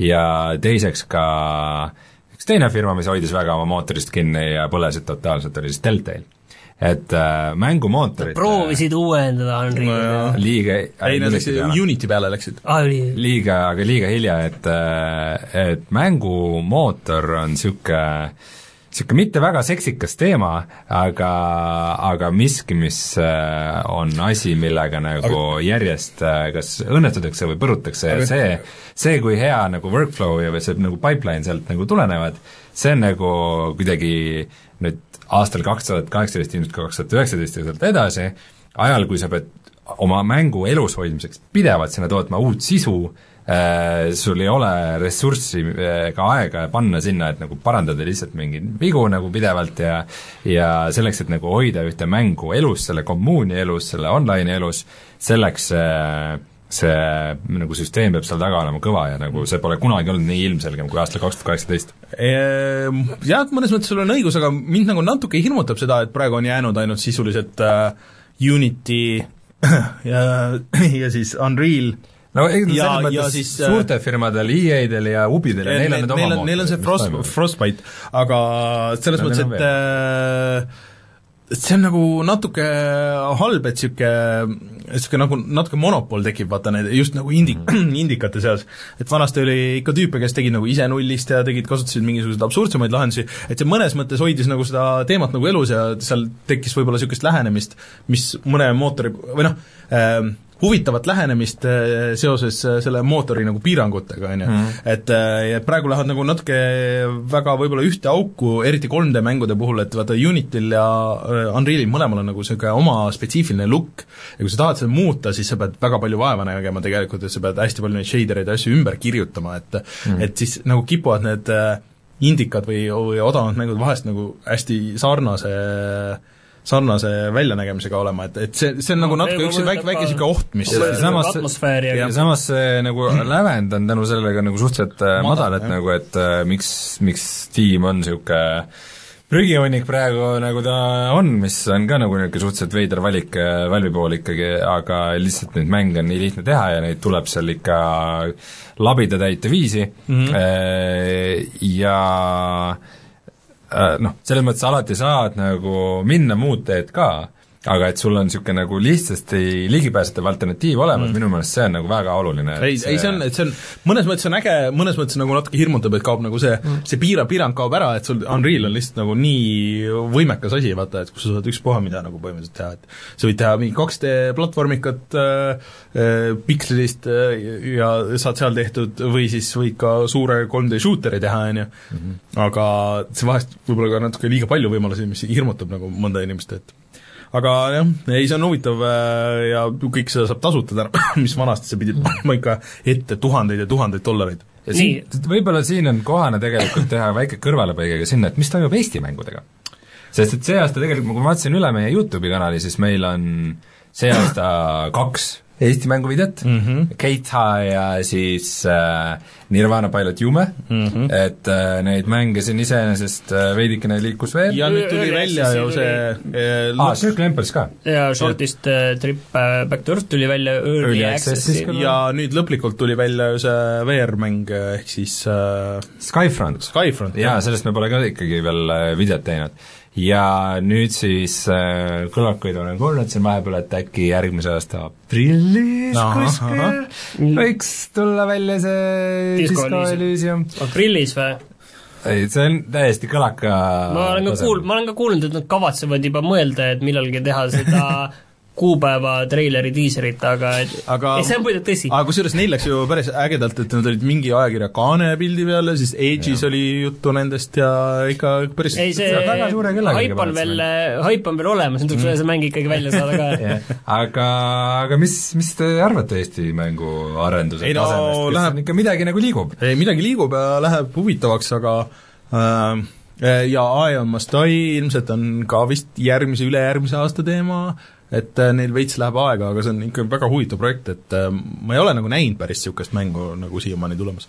Shorty Strip Dirt maksab kaksteist viiskümmend üheksa. et äh, mind lihtsalt huvitab, ja siis see, mis see mis see Miku, Miku mäng oli, oli ka see Mikk Luigand, ehk siis mm. äh, natukenegi Void Chip äh, ühesõnaga, aga vaata aga ma lihtsalt ootaks, et kui need, need pikseldatud äh, kosmosemängud nagu saavad mööda ja valmis, et mis siis nagu edasi tuleb.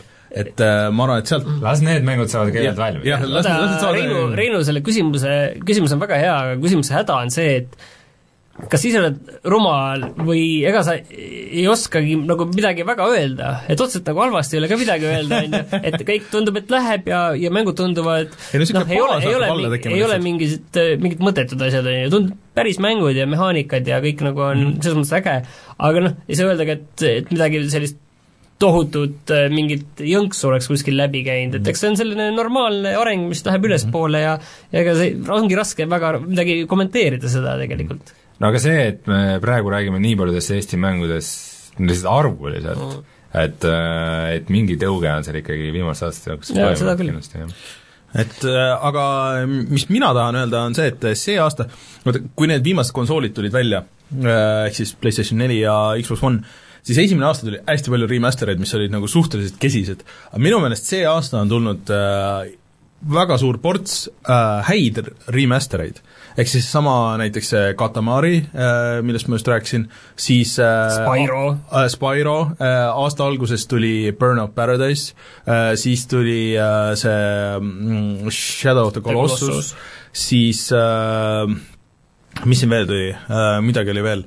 Ühesõnaga, on tulnud ports nagu ägedaid ja hästi tehtud äh, remaster eid, mis on nagu hea, et niisugune mis on võib-olla ka vajalikud olnud, just nagu ongi Spyro ja Colossus, mis on nagu ja. mängud, mis no ongi hea, et kindlasti on neid veel, aga lihtsalt meil praegu tulid pähe, on ju. et äh, see, see on see, mille pärast ma tõin jaa, jaa, Shenmue, Shenmue üks ja kaks, vaata ka. Shenmue üks ja kaks, no need, need on äh, hästi basic, need, et see on nagu mitmes äh, kuidagi on nagu loksunud paika, et mis on remaster, mis on remake, on ju, et kui palju tehakse uuesti, kui palju on lihtsalt niisuguseks arhiveerimiseks tehtud, et okei okay,, et nüüd on, see on see mäng, nagu ta oli, lihtsalt tehtud mängitavaks nagu tänapäevases võtmes, et mulle vanad mängud meeldivad, nagu äh, siit võib-olla on välja tulnud äh, ja mul on alati nagu huvitav vaadata seda, et äh, aa, siis tuli äh, noh, tegelikult äh, Switchi peale tuli mitu kollektsiooni, et äh, need tüübid, kes näiteks neid Megamani collection'id tegid, nad tegid SNK collection'i, mis oli hullult äh, huvitav äh,, ma ei ole nagu nii suur SNK fänn, et äh, aga näiteks seal oli, terves pakis oli, et igast mängust oli, et see kodukonsooli versioon ja siis see arkaadi versioon ja sa said võrrelda ja siis seal oli kõik nagu, kõik see marketingi stuff oli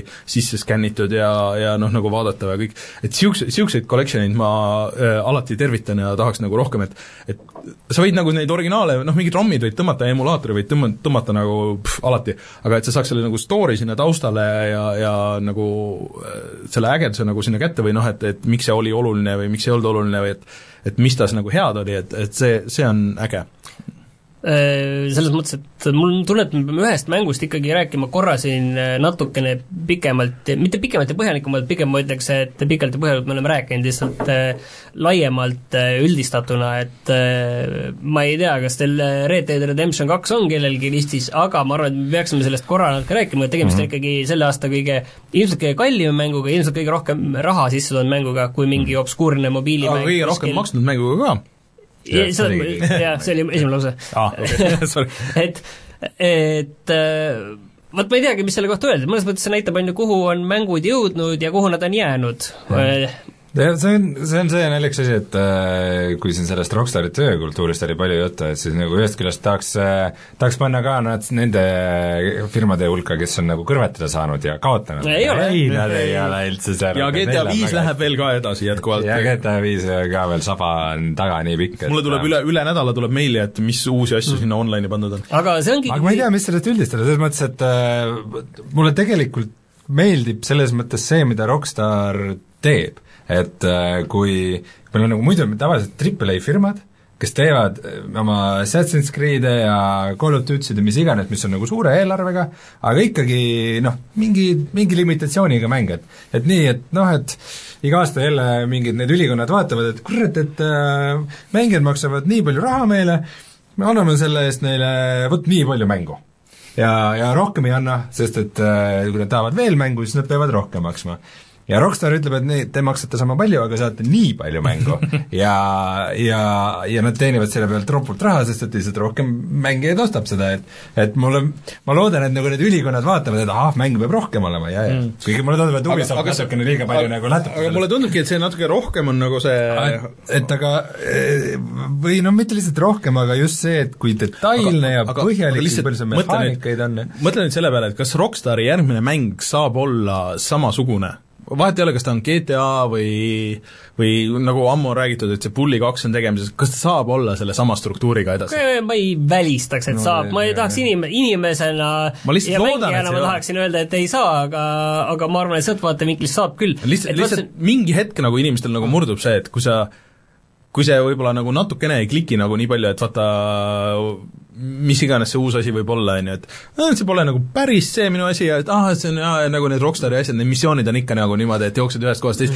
ah, ma ei, ma Aga ootan siis, kui odavaks läheb see... ja siis on see mäng läbi nagu jooksed ühest kohast teise, vaat see ongi naljakas, et ühtepidi on selline hästi noh, sul ongi nagu kaks mängu, on ju, üks on see, kus sa käid ringi ja avastad, teine mäng on see, kus sa mängid seda põhiliini mm. -hmm. aga selle juures on nagu naljakas see, et et mõnes mõttes see tohu-, Rockstar teabki, et nende mäng Red Dead Redemption kaks, see saab tohutult populaarseks. küsimus on lihtsalt, kui populaarseks mm, -hmm. kui tohutult populaarseks.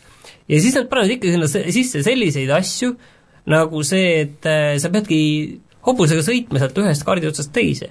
päris tihti, ei olegi muud varianti. sa, okei okay,, seal on see reisimine, aga see on väga limiteeritud, sa ei saa ühest kohast teise, sa ei saa mm. selline ühest Vahel sa kohast teise koha ajal. sa pead palju sõitma, on ju. ja siis nad ikka teevad sellise asja ära, nad võiks teha niiviisi, et sa saad oma hobusega maagiliselt eh, hüpata ühe kaardi pealt teise peale, kiirreisida siit, siit, siit nagu Far Cry viies iga nurga taha, on ju, ja siis käid järgmise markerini äh, viiskümmend meetrit, on ju ei, tuimalt teevad seda ja kujutan ette, kuidas nad omavahel irvitavad seda, kuidas need casual mängurid, kes ostavad selle uue mäge, ägeda mängu, nad peavad kõik sinna, selle ratsutama ühest kaardi otsast teise ja nad peavad, ja nad alguses võib-olla mõtlevad, et see on alguses nii, aga ei, see on põhimõtteliselt lõpuni nii, sa ratsutad ühest otsast teise ja ma kujutan ette, kuidas nad irvitavad selle peale seal.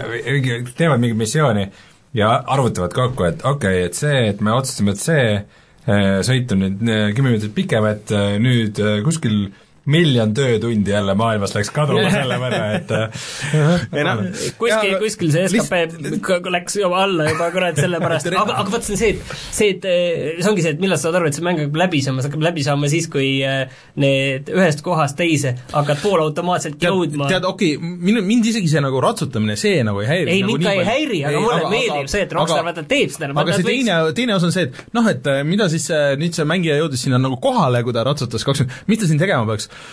Ma ei tea, mingi nelikümmend tüüpi jooksevad ja siis okei okay,, see on jälle nüüd see teema, millest me oleme hästi palju rääkinud. Jaa. ei no okei okay,, aga ühesõnaga, et eh, aga see, see point seal taga on, selles mõttes on huvitav, et et nad Nad võiks teha ju nii, et see mulle meeldib, mulle meeldib see, kuidas, mis nurga alt sellele lähened. et, et nad kuidagi nagu otsustasid, et äh, me teeme nii, nagu me ise tahame.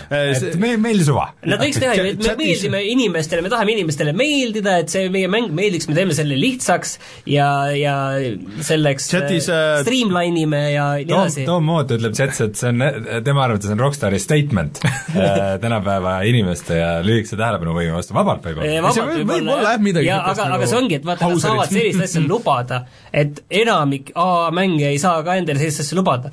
Call of Duty kampaania ei saa lubada seda, et kaks minutit mingi Kaks ei, ei toimu midagi. ei no ütleme, sekundit ei ma tahtsin öelda, et kaks minutit mingi eepiline sild või maja ei kuku kokku ja ei ole samasugust plahvatust nagu kuradi ma Die Hardis Nakatomi plaasa kuradi katusel, on ju. Vot see ongi, et äh, mingi Far Cry kolmest saadik on kuidagi see, et äh, neid quality of life asju nagu tuleb nagu nii palju kogu aeg juurde, alguses on nagu äge, et iga, kõike saab nagu teha nii kiiresti ja nagu jooksu pealt ja nagu hips-hops ja ja siis, aga iga mäng nagu läheb sellega ekstreemsemaks ja siis sa mõtled, et kus see kõik nagu lõpeb Aga- aga- see läheb. avatud maailmas saab- Rockstar nagu kuidagi täiesti teisest kohast tuleb ja avatud maailmas saab selline teleporteerumine, on ju mm., mõnes mõttes ongi äge, et kui nad selle avatud maailma juurte juurde tagasi viinud, et ratsuta raive. Äh, chatis öeldakse, et Fast Travel on ju olemas, kui upgrade baasiga, see on väga piiratud, et see on piiratud ja sa saad ainult baasist paari kohta. minema enamus missioone algavad baasist niikuinii. ja, ja sa saad äh, kiirreisida ka nende suuremate asulate vahel, kokku vist mingi kümne punkti vahel saad ka reisida, aga siis on see, et sa saad reisida järgmisest kohast teiseni ja see ei pruugi olla ja, üldse ja linnast laagrisse sa nagu reisida ei saa. ja sa ei saa linnast laagrisse minna, sest laager on ju salajases kohas ja et selles mõttes, et see, jah, sa saad, aga see tihtipeale nagu valiku küsimus, et kas tasub nagu, kokkuvõttes sul võtab see umbes sama aja, see on see asi, et see võtab sama aja aga tihtipeale. ei, ma saan sellest nagu kõigest aru, aga lihtsalt mulle tundub, et see nagu praegu see mängitavus hoiab nagu tagasi seda, et see oleks nagu üks kõige paremaid mänge noh, nagu Jaa, üldse ei, läbi aegade. aga see ei ole see tempo, see on just see, just See- see, et sa pead vahepeal seda nuppu all jah, hoidma, ja et siis jooksed, siis, siis ja- rammid seda nuppu ja siis, ja siis sa jõuad kohale, siis sul ei ole muud, kui lihtsalt tulistada ja no ühesõnaga, et niisugune nõus, et see on selle aasta ja sa ei saa reisida siis, kui sa oled tagaotsitav selles kohas, sa ei saa jaa, sealt õige. reisida, siis ro- ratsuta minema. No, et seal on aga jah, tempo, tempo teema on nagu ei, aeglane mäng vahest on hea, ei see, mul ei ole midagi selle vastu, et mulle vahest ka nagu meeldivad niisugused aeglased mängud, mis võtavad, see ongi niisugune walking simulaator. aga mõnes mõttes see oligi aga... terve mäng oligi see, et sa mõtled, kas see ühest kohast teise lõputu ratsutamine, kas see meeldib sulle ja ei meeldi, see oligi juurdlemine, see terve kuuskümmend tundi põhimõtteliselt mõtled vaatad seda päikeseloojangut eh, neljakümne ja siis, kui mäng saab läbi, siis sa mõtled, et ma veel käin siin, ratsutan siin kõvasti ringi ja ma ei tea, kui ma köögis, kui ma köögis võileiba tegin ja nagu ühte näppu X-i peal hoidsin, siis ma mõtlesin küll, et kas mulle meeldib see mäng või mitte. miks ma seda nüüd niimoodi teen, et aga noh, jah, okei okay,, aga kas teil oli veel mõni teema, ma tahtsin küsida peale VR-i, mis Reinul ilmselt veel äh, mul, mul oli nagu natuke probleem selle aastaga, et äh, minu meelest tuli see aasta välja palju mänge ja paljud mängud olid nagu head, aga kas piisavalt head. et seesama probleem oli mul, mul oli Red Deadiga, mul oli Spider-maniga kindlasti ka Far Cry viiega, vaat Spider... Far Cry viis ei olnud kohe okay. kindlasti piisavalt okay. hea, aga lihtsalt, et äh, palju niisuguseid nagu suurejoonelisi mänge, mis olid nagu kuida-, või noh, äh, Assassin's Creed Odyssey, mida ma mõtlesin, et oh, et võib-olla oleks äge nagu mängida, aga siis sellel oli need teistmoodi niisugused probleemid, et et nagu kuidagi nagu natukese mingisugune, mingi sära jäi osadel puudu, et noh, kõik on olnud nagu nii palju või nii pikka aega nagu niisugused seeriad ja kõik on nagu nii paigas juba, mis on, ja okei okay,, mingeid uuendusi on nagu olnud, aga ei ole olnud nagu midagi niisugust, vaata, mis nagu lükkaks või noh, nagu muudaks ära seda, seda nagu paradigmat seal või noh, et, et äh, okei okay,, nüüd see on see et äh, mängisin Spider-mani läbi, see oli okei okay., ma mängisin ma see Spider-man oli paljudes tabelites tegelikult sees. ta oli, ta ei ole halb mäng ja ma saan aru, et kui ma oleks suurem Spider-mani fänn, võib-olla see läheks mulle rohkem korda, aga muidugi vaatasin ikka Tomb Raider on mingites äh, tabelites yeah. sees ja see on ikka halb mäng. see, see, see on tõesti halb mäng nagu mis tabeleid sa vaatad ja aga muideks uh,, kiire kõrvalepõige, käisid sa Spider-man äh, Into the Spider-verse'i vaatamas, Rein, sina oled suur Spider-mani fänn, see on sulle kohustuslik, see on kõige parem film vist, mis ma see aasta näinud olen selge. see on tõesti väga, ja muidugi see inglisekeelne versioon, mitte see, kus Martti Hallik ja Liina need ja Lauri Pedaja sa-, heli loevad, ära seda mine vaatama, aga jätan meelde. Aga ühesõnaga et seal oli noh, kõik see linnas liikumine, see oli äge, aga siis seal tõmmati nagu tempo maha teistmoodi, et vaata, kui Red Deadis sul on nagu ehitatud selle peale, et sul on aeglane slow, ja kui seal on ehitatud äh, selle peale, et sul on kiire ja sa sipid ringi seal ja siis sul on järjekordne hiilimismissioon selle Mary Jane'ina ja siis lihtsalt tahaks lihtsalt pooleks murda seda pulti, sest et, et see oli nagu just hakkas minema nagu ägedaks ja siis ehk siis kaks tuhat kaheksateist mängud olid okeid, aga oleksid võinud olla paremad. sinu jaoks oli keskpärane mänguaasta jah, aga mitte halb nagu, et see oli nagu niisugune, et kõik on nagu positiivsed, kui ma mõtlen, ei, et üks, väga vähesed, tähendab, nagu neist olid nagu halvad, halvad, aga samas need ei olnud ka nagu erilised, et, et jah, et oleks võinud olla paremad. mina võin küll öelda, et minu meelest kaks tuhat kaheksateist oli hea või isegi väga hea mänguaasta mm., et äh, kaks tuhat kuusteist oli üks halb, halb aasta minu meelest. kaks tuhat kuusteist ka halb aasta, ma vaatasin, ma vaatasin, et kus mina olen saanud top kümne endal kokku ilma vaevata, oli kaks tuhat kuusteist ja kaks tuhat kaheksateist. mina ei saanud omal mingit top ma sain, ma sain vaevu top kolme kokku.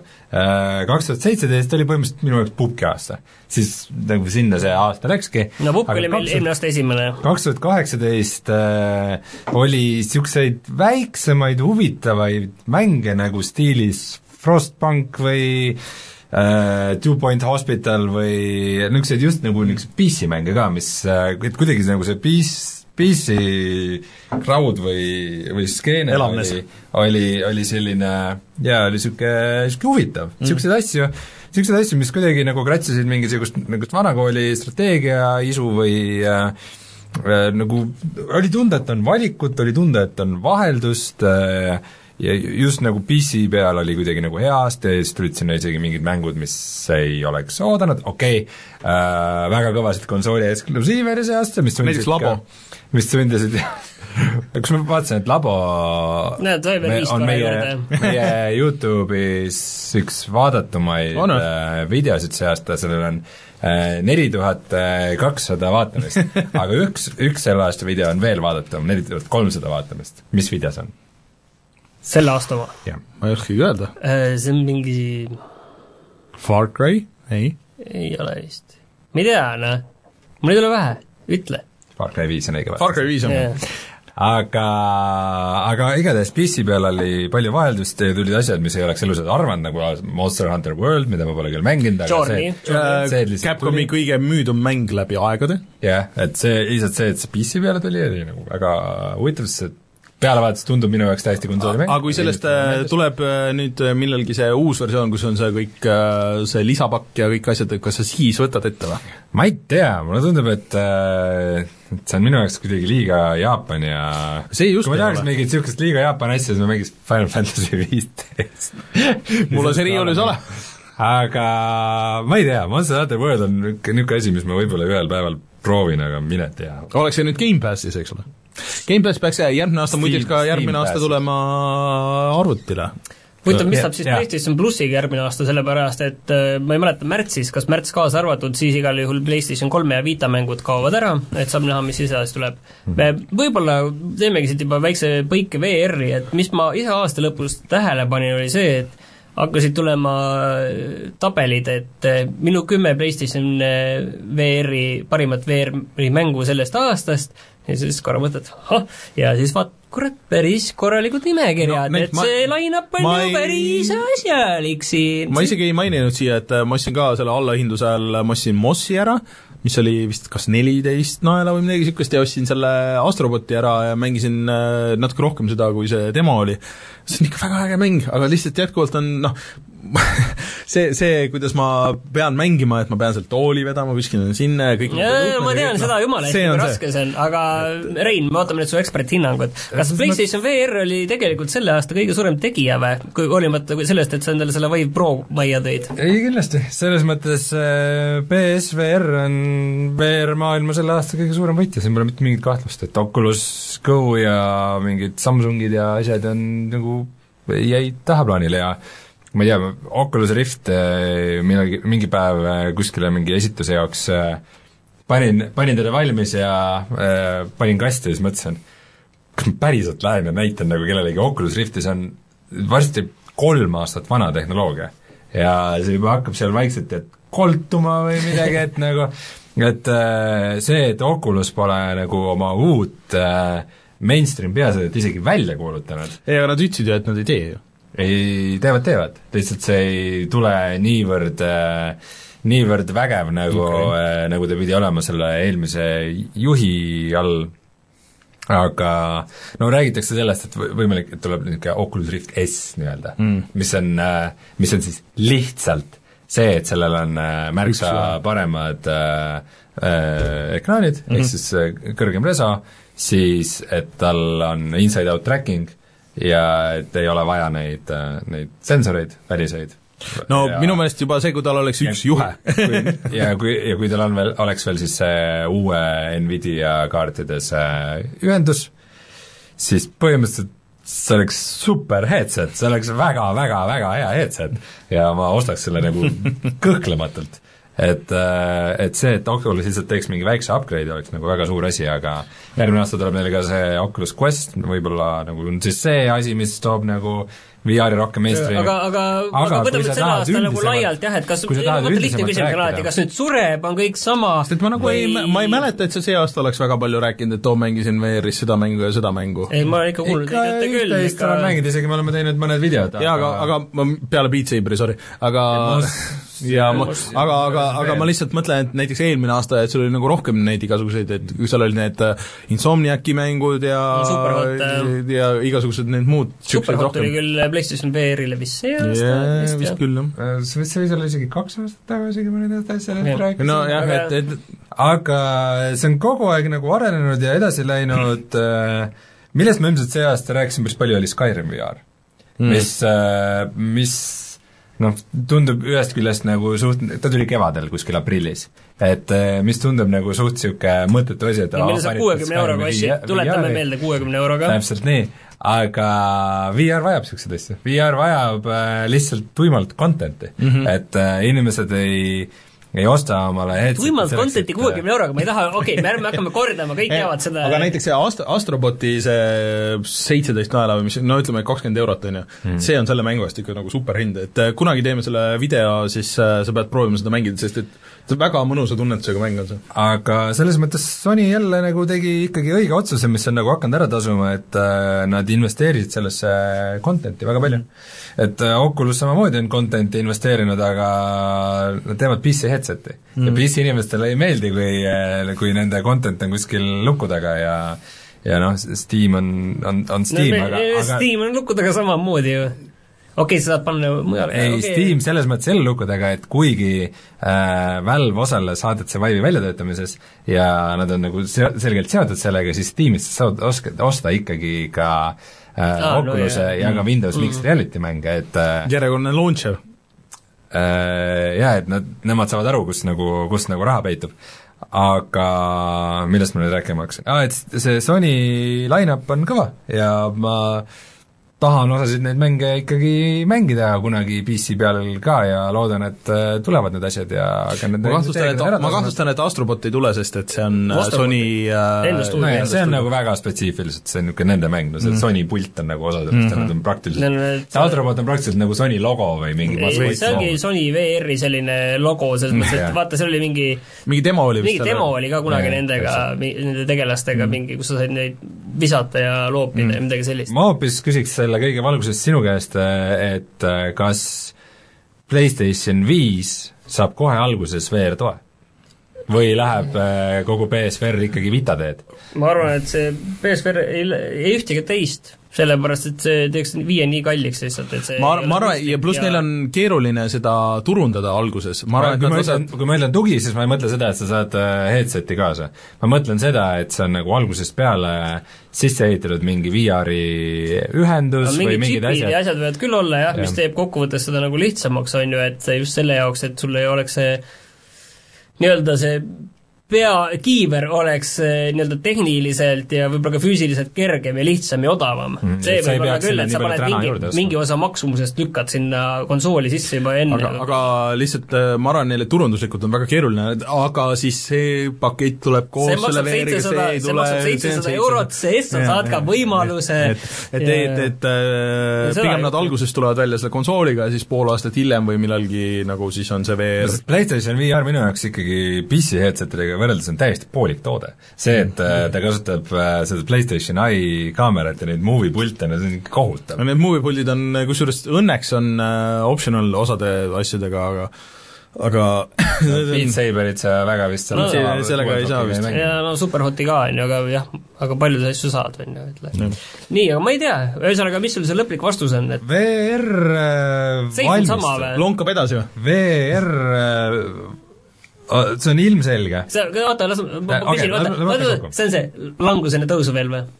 millest sa eelmine aasta rääkisid? ta, ütleme, ütleme, et enne Koit on kõige pimedam aga nüüd on nagu see aeg käes, et uh, uusi headset'e on nagu vaja. et enam, enam nagu väikestest upgrade idest ei piisa ja ja ma arvan, et see teine generatsioon on nüüd juba väga selgelt ukse taga ja see teine generatsioon tuleb ilmselt äh, palju vägevam kui eelmine äh,, ilmselt odavam, ilmselt lihtsam, ilmselt võimsam, seal on rohkem mänge, see, ka PC peal see line-up on juba kenasti tõusnud ja ma arvan, et VR ei kao kuhugi. ja praegu on ka nüüd aru saadud sellest, et see location based on, on nagu võti ikkagi VR-i jaoks, et äh, VR ei ole valmis selleks, et oleks iga inimese kodus, aga see ei tähenda, et VR, et VR ise nagu ei, ei oleks nagu suur asi. mina olen võib-olla tegelikult see aasta sellesse VR-i rohkem uskuma hakanud, kuigi ma olen seda vähe kasutanud kahjuks see aasta, aga aga sellised ikkagi mängud nagu äh, Beat Saber või sama see Astrobot, mida ma vaadanud ja noh, Beat Saberit ka natuke mänginud, on ju, ja ja, ja veel paljusid asju veel ja tegelikult just see, sest ongi see, et kui, kui, kui tõsine see Sony line-up tegelikult on olnud, on ju, siin on Sony on kõvasti investeerinud sellesse siin on madalamaid hetki, siin on olnud äh, kõrgemaid hetki, aga kokkuvõttes see on nagu, nagu jätnud veenva mulje, et tegemist on äh, toimiva tööstusharuga, mille puhul mind nii väga ei huvitagi see, et kas tuleb nagu järgmine see generatsioon ja kas see generatsioon on nagu, kui palju see tehniliselt on parem, et see nagu minu jaoks polegi nii oluline praegu, kuivõrd see, et see sisu on olnud nagu seal kohal, et mm. ja, ja natukene enamat kui selline poolpidune tech-demo. aga samas see barjäär, nagu sa ise tunnistasid, sul oli aasta Oi, aega bar..., sul oli aasta aega oli headset kodus ja sa ei võtnud teda karbist välja või võtsin küll. ei võtnud, kõik oli kiles ju ei, ma võtsin välja ka ikka. ta kiletas ära uuesti? ma olin pakki uuesti.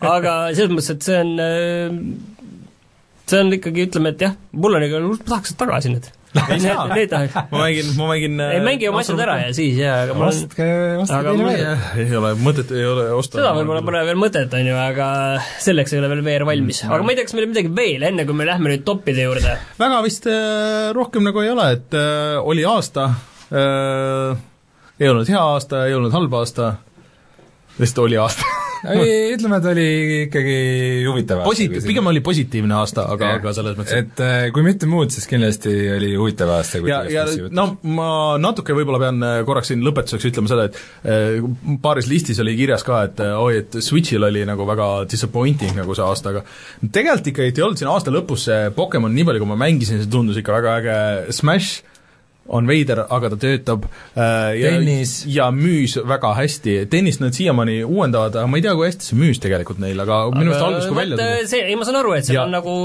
sellel Switchil on nagu erinevad need äh,, erinevatele inimestele toodi mingeid väga et, häid asju, aga samas ega minule nagu nüüd sellist suurt kõva eksklusiivi ei toodud. et eh, sinule teoreetiliselt peaks olema kogu see indindus, vaata, mis seal on. et, et, et aga mul on selle jaoks ka PlayStation neli, okei okay,, seal on kaasaskantavana variant, jah äh, mulle tundub, et nad on leidnud niisuguse päris hea nagu rütmi, et see võib-olla ei ole see investorite rütm, mis nad tahavad, et iga mäng oleks, äh, investorid tahaks, et oleks Zelda või Mario või või Mario kart või mis iganes, on ju. aga vot siin nüüd ongi, aa, enne kui lähme võtame aasta kokku, siis räägiks korra, mis me ootame järgmiselt aastalt. jah, ma tahtsingi just öelda, Switchiga pole nagu väga midagi oodata. Ma arvan, et äh, järgmine aasta on uus Mario kart sest, ja uus, uus Switchi see, sest et Mario kart, äh, see eelmine oli tegelikult remake äh, või remaster, ja ma arvan, et äkki võiks tulla ka uus Mario, mis ei ole sellest Odyssey liinist, et mis on, noh, remaster tuleb sellest Mario U, see, see tuleb, remake tuleb anyways, aga mingi täiesti uus Mario. No Äh, mida ma veel järgmisest aasta, ma ootan seda Devil May Cry'd, äh, see tuleb kohe aasta alguses, äh, mulle tundus see väga äge, ja siis lõpuks see Halo peaks ju tulema. Et kas, huvitav, kas, kui see ei tule järgmine aasta, siis see jääb ilmselt äh, selle uue Xboxi mingiks äh, launch'ikaks, mis ei ole ka välistatud, aga see oli äh, äh, mida lubati, et on ikkagi avatud maailm ja nagu ei ole enam ei Halo ega Destiny ega et see on nagu täiesti nagu uus selles mõttes mis võib tulla PC peale?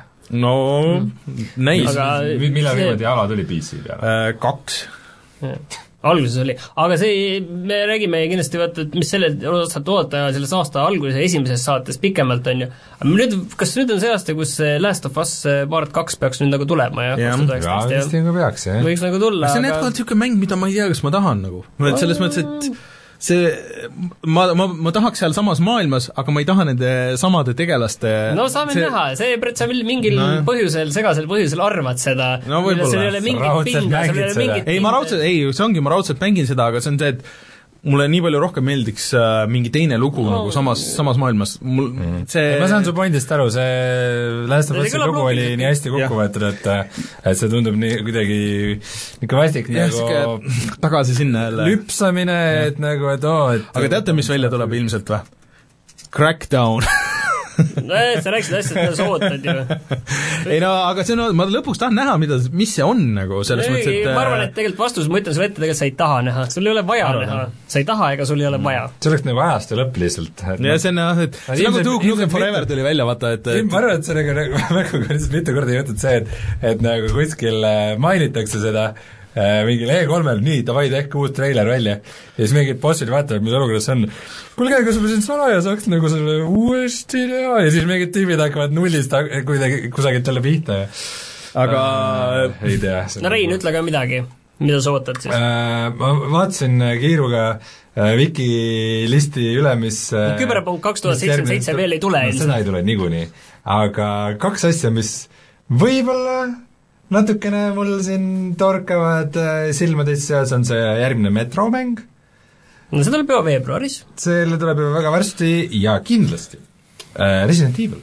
Resident Evil kahe remake siis. ja see tuleb juba jaanuaris. kusjuures ma just mõtlengi, et, et jaanuar kuni märts ju tuleb päris tihe tegelikult. see tuleb päris tihe aeg, jah. äh... ja, ja muudest asjadest ma ei tea, vot see PC-mängurina ma, ma olen kuidagi jõudnud sinna, et pigem nagu, et mingi asi tuleb välja ja ma lasen ennast üllatada. et äh, kuidagi suurte asjade ootamine toob endaga kaasa ainult pettumust. et äh, muidu jah, kui ma olin kunagi veel, äh, kui mul kunagi oli usku Blizzardisse, siis ma ootasin seda Blizzardi järgmist mängu, need ajad on nüüd möödas. Äh, kuigi mul on ikkagi huviga ootan, mis sellest äh, kogu Diablo fiaskost siis nagu lõpuks saab, aga äh, järgmist Annot võib-olla ootan ka natukene, mis ka juba tuleb, tuleb veebruaris. veebruaris, jah. veebruaris tuleb ju ka see uus see Far Cry siis... ja mingi ma ei tea, mis kõik asjad.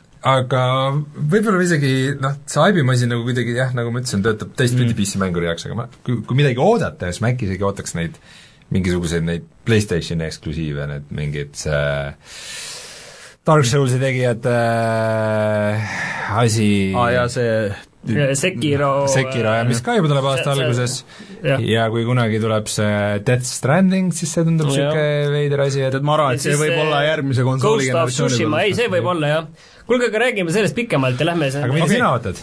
ma ütlesin selle Part kahe otsin ära. mis asi? Last of Us Part kahe. see on kõik, mida sa ootad? Ma ei tea, ma ei ole valmis selleks küsimuseks, ma ei tea, mida, ma olen nii palju nagu, ma ei ole valmis selleks. aga laseme kõlli vahepeal ja siis tuleme kohe tagasi ja siis räägime, mis oli meie selle aasta top kolm pluss üks mängud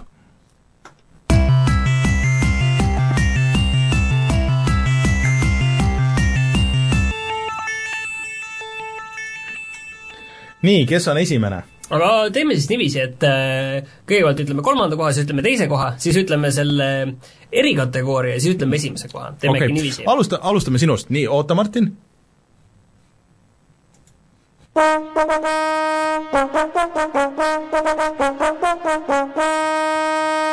Martini number kolm äh, minu number kolmel, kolmandal kohal on siis äh, mäng aasta algusest, mille nimi on Into the Breach.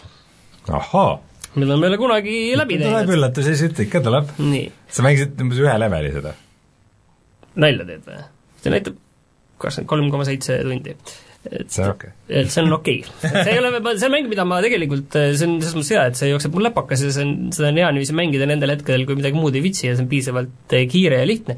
aga see on eh, väga äge mäng eh, Faster than Light'i tegijatelt, selline väike ruudustik, kus sa liigutad oma üksusi ja ja sa pead hävitama mingeid veidraid putukalaadseid elukaid ja võib-olla ei peagi hävitama, vaid sa pead igatpidi neid vältima ja neid see äh, käikude ja kombina-, ja need on hästi kiire, see on viis vooru lihtsalt. sina ründad, nemad ründavad, vahepeal äh, juhtuvad need keskkonnas erinevad muudatused. võib-olla, võib-olla mitte. ja see on hästi lühike, aga samas sinna mahub sinna viite käiku. sa nagu võtad malemängu ja võtad sealt, äh, sul on malemängus mingi seis ja siis võtad, sul ongi nüüd viis käiku mõlemalt poolelt ja siis ongi läbi, sa pead selle jaoks sul ära võitma. või siis vähemalt mitte kaotama, sõnastame nii, et oluline ei ole isegi võita, oluline mitte kaotada. et sa võid sellega niiviisi niiviisi lõpetada, et sul mingi üksus jääb ellu ja, ja lihtsalt vastased ei hävita seda kaarti, kaardil olulisi objekte ära või või sind ära, et sa võidki, eesmärk polegi võita, eesmärk on mitte kaotada. või mm. teha niiviisi, et vastasi kuidagi lihtsalt eemale tõrjuda või neid hallata. ja see on sellena töötanud äh, väga hästi ning mulle väga meeldib, ma hea meelega mängin seda kohe edasi. Ma.... siiamaani, see tuli välja aasta alguses, aga mul on natukene tunne, et kui ma siia Notepadi omale kirjutasin äh, sinu selle top kolme, siis sa kiiruga mõtlesid enda topi ümber ja üritasid mingit originaalset asja ei, mul on top kümme endal juba valmis, ma ütlen, kirjutatud juba ammu juba Into the Bridge minu meelest on veidike niisugune mäng, mis nagu kõik tahtsid juba tõesti, et neile see meeldiks, aga ta ikkagi ei läinud niimoodi tööle nagu minule meeldis ka niiviisi, see nagu ta see, see ka, see meeldib sulle teoreetiliselt, ega sa ei ole seda ikka nii palju mänginud. ei, Rein, sa proovid praegu kaevata lihtsalt ainult seda, et sa enda tabelisse enne panid kirja mingid asjad, mis sul ei lähe täppi, ilmselt eks nad pärastpoole lähevad võib-olla täppi, aga sellega ei läinud siis. see Inter Bridge oli hea mäng, aga, aga võib-olla see, vaata, võrdlus malega on nagu ka natukene selle miinus, et äh, tahab niisugust äh, võib-olla nõks suuremat süvenemist või niisugust nagu täielikku keskendumist ja mingite käikude ja plaanide ettemõtlemist, mis ei ole absoluutselt halb asi, lihtsalt äh, võib-olla ma olen natukene harjunud äh, oma siin mänguri karjääri jooksul äh, millegi teistsugusega läbi teiste mängude, aga, aga igatahes huvitav valik, jah mm.. nii. nii.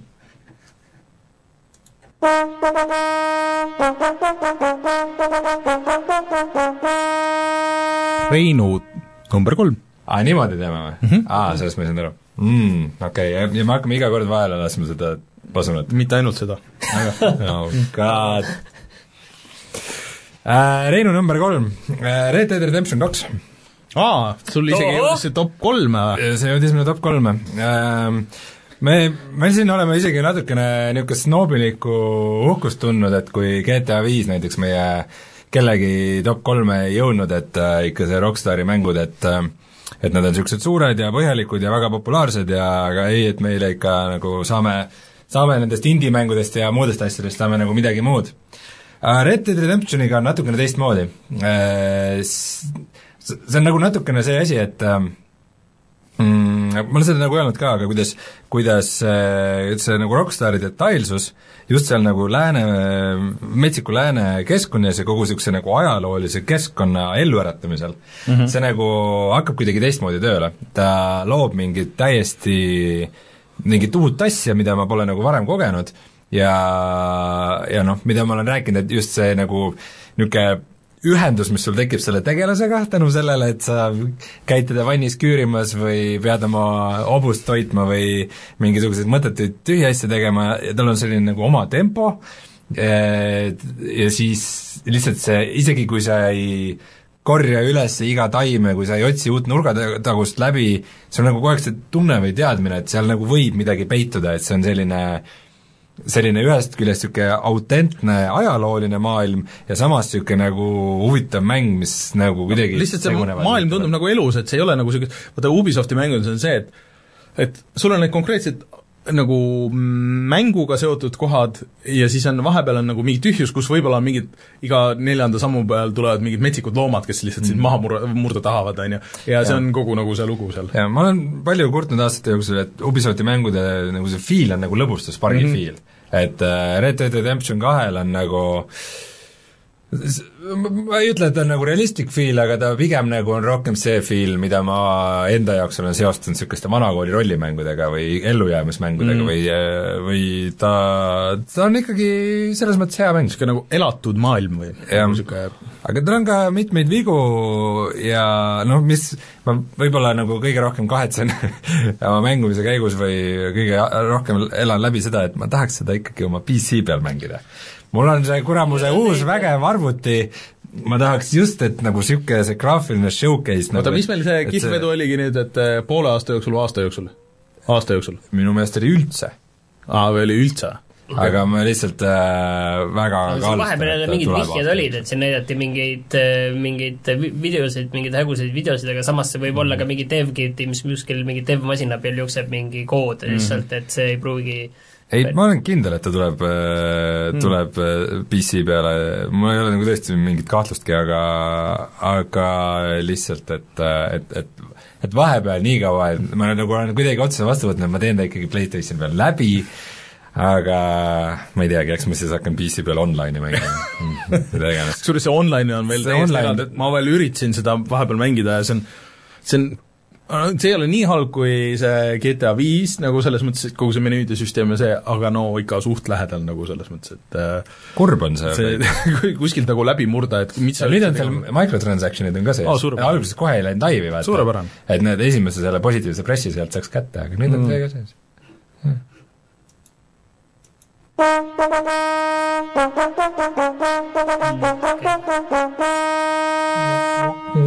Raineri number kolm ma arvan, et äh, võib-olla ma teen natuke ülekohuta, võib-olla ei tee ka, aga minu number kolm siis äh, sellel aastal on God of War. et natuke sellistel sarnastel põhjustel võib-olla, et see on mäng, millel minu, minu meelest on nagu päris palju vigu kohati nagu nii story's kui selles mängitavuses, aga midagi seal nagu on, et kui sa nagu vot Martinil oli seesama asi, mis mul oli, et alguses, kui sa mängid nagu, mängid selle flow'ga, sa lähed sinna sellesse sisse, siis see on nagu hullult äge, see hakkab nagu kuidagi nagu jooksma, sa tead täpselt, kuidas see võitlus käib, sul nagu oskad äh, reageerida nende vastaste rünnakutele ja kõigele sellele, on ju, aga nii, kui sul tekib sinna paus sisse, siis äh, sinna on äh, väga raske tagasi sisse minna. Äh, ja, ja nagu ta on nagu nii tihe nagu oma story'lt ja kõigest sellelt ka, et, et kõik seda meeles pidada pärast on ikka väga raske. et äh, ma mängisingi ta põhimõtteliselt äh, nagu kahes jutis nagu läbi. Äh,, vahepeal nagu üritasin sinna minna ja kuidagi ei tulnud ja ei olnud seda momenti ja mingid muud asjad olid vahel.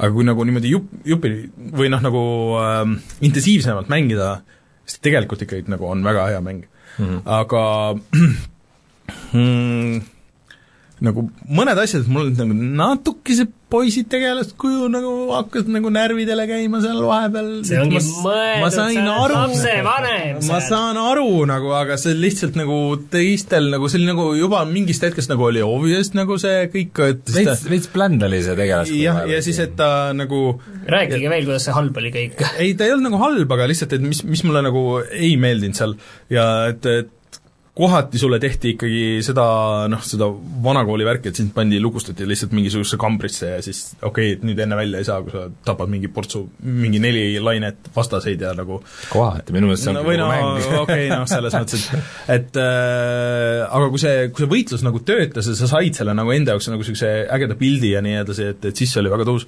aga lihtsalt neid juppe ja vidinaid ja igasugu turviseid ja neid asju, neid on nagu nii palju ja ega see nagu väga palju ei, see on umbes nagu Red Deadis, vaata sa ei pea nagu süvenema sellesse, tegelikult nagu väga mm, -hmm. et sa lihtsalt vaatad, et mis numbrid suuremaks teevad ja siis kõik, et et kas kui sa tahad mingit väga spetsiifilist, võib-olla seal raskematel raskusastmetel ehitada mingisugust spekki kuskile, et siis sa pead nagu väga süvenema sinna.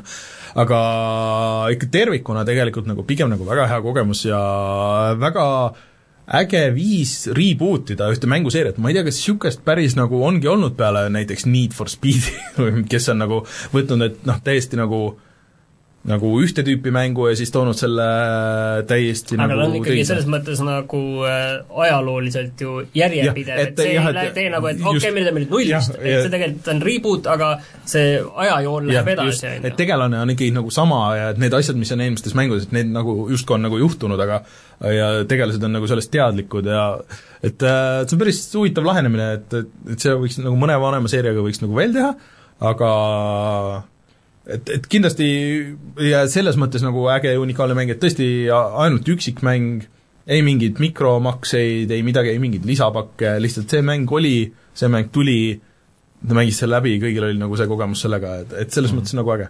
võib-olla ma äh, teeks võrdluse isegi Resident Evil seitsmega, et ka niisugune nagu jah, see oli samasugune jah, tegelikult. et nagu reboot, mis äh, läheneb nagu teise mm -hmm. nurga alt, aga nagu lõpuks ikkagi läheb sinna klassikasse vaikselt tagasi. Et, et jah, see nagu täismängu lõpp nagu, et see nagu lõpuboss kui selline või noh, nagu ühesõnaga kindlasti saak... leiad sa neid miinuseid no, ei no saak, ei saaks nokkida siin ja seal ja sellepärast see ongi mul nagu number kolm, et aga, aga, aga tervikuna mulle nagu pigem see meeldis, et ma-, see maailm oli äge ja see, see World Serpent oli, oli tuus tegelane iseenesest ja kogu see teema seal ümber ja ja need mõned teised seal kõrvaltegelased veel ja ne-, nende story'd nagu seal olid, olid lahedad.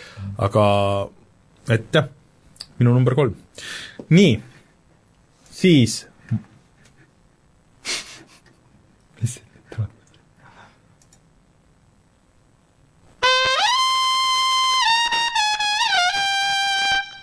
Mart-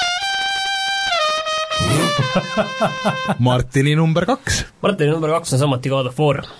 selles mõttes, et mitte samuti, aga järjest nüüd tuleb, et sinul oli number kolm aga et nüüd mõni sõna ka God of War'i kohta midagi head öelda, siis see oli selles mõttes selline äge võitlusmäng, mis äh, näitas seda, et äh, suured A üksikmängud on siiski aastal kaks tuhat kaheksateist teema, et see ei, need ei ole nagu maha maetud, et sul peab olema Battle Royale ja, või mingi äh, mikmikmängu element või siis vähemalt äh, kamaluga äh, mikromakseid, ei pea, sai ilma, aga sellel on lugu on noh, kindlasti nii või naa, aga et seal on nagu nokkida, aga tal on väga hea siiski ikkagi väga, see produktsioon, mis seal taga on, on niivõrd kõva, aga samas see, seal see teistpidi see mängitavus on sellega kaasas.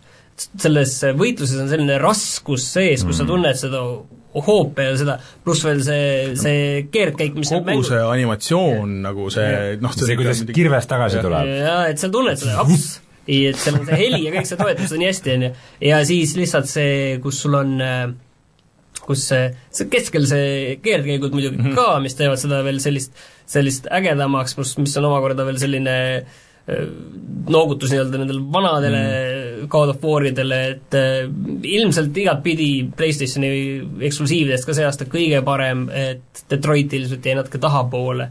aga see on see mäng, mis nagu, sa mõtled, kurat, kui hea, et ma selle ikka läbi tegin mm ei, mul on, mul on ka hea meel, et ma hea lõpuks, lõpuks, lõpuks nagu võtsin selle ikkagi, et Mhm. mõtlesin, et see jääb nagu ja siis aga, aga ta on nagu parem ka, kui sa mängid nagu niimoodi jutti et siis see see on ük- üks nendest nagu mängudest, mida sa ei saa nagu viieteist mintsa kaupa mängida, et ta on nagu nii tihe. ma vahepeal korra vastan chatile, et keegi ütles, et konsoolimäng jõudis Reinu top kolme, et kuidas see on võimalik, et näitab, kui kõva RDR kaks tervikuna on. minu arust mul iga aasta üks konsoolimäng olnud äh, hoia oma pasunad kinni hoia oma pasunad natukene kinni. see on, see on nagu eelmine auhinna aasta kala. oli vist mul Zelda, üle-eelmine aasta Uncharted neli ja aastane seda Last of Us, et nagu mul Ja on nagu kombeks, mul on kombeks kolmas koht viisakusest ikka mõnele konsoolile mängule anda nagu. see on selline halastusseks põhimõtteliselt. mm.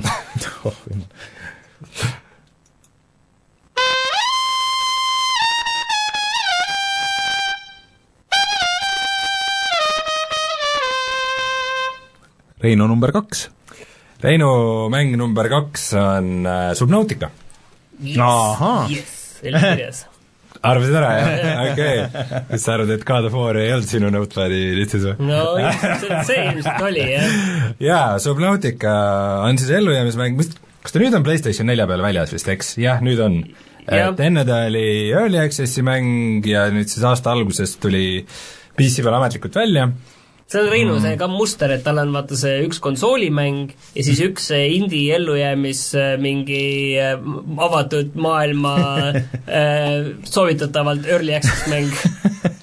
jah äh,, sest ma olen PC-mängur, see on kõik, mida me mängime äh,. Subnautica on siis eriline sellepärast, et see toimub vee all ja kuigi ta ei ole kindlasti esimene ega ka viimane mäng, mis toimub vee all, siis ma arvan, et ükski, ükski varasematest ei ole nagu kuidagi nii hästi kuidagi andnud edasi seda tunnet, kus äh, kus kogu see nagu looduskeskkond, mis seal on, on nagu nii nii põnev ja ta on nagu mängu nii hästi lülitatud kogu sellesse crafting'u süsteemi ja kui hirmus äh,, on minna järjest sügavamale ja kuidas see tehnoloogia puu nagu sul areneb edasi, et sa saad järjest sugevamale süka-, sukeldada ja, ja leida uusi asju ja läbi selle teha jälle uusi asju ja kogu see baasi ehitamine ja kõik ja see on lihtsalt, see on nagu see on nagu veider, et see on indie-mäng, see tundub kuidagi ajast nii ees ja kuidagi nii terviklik.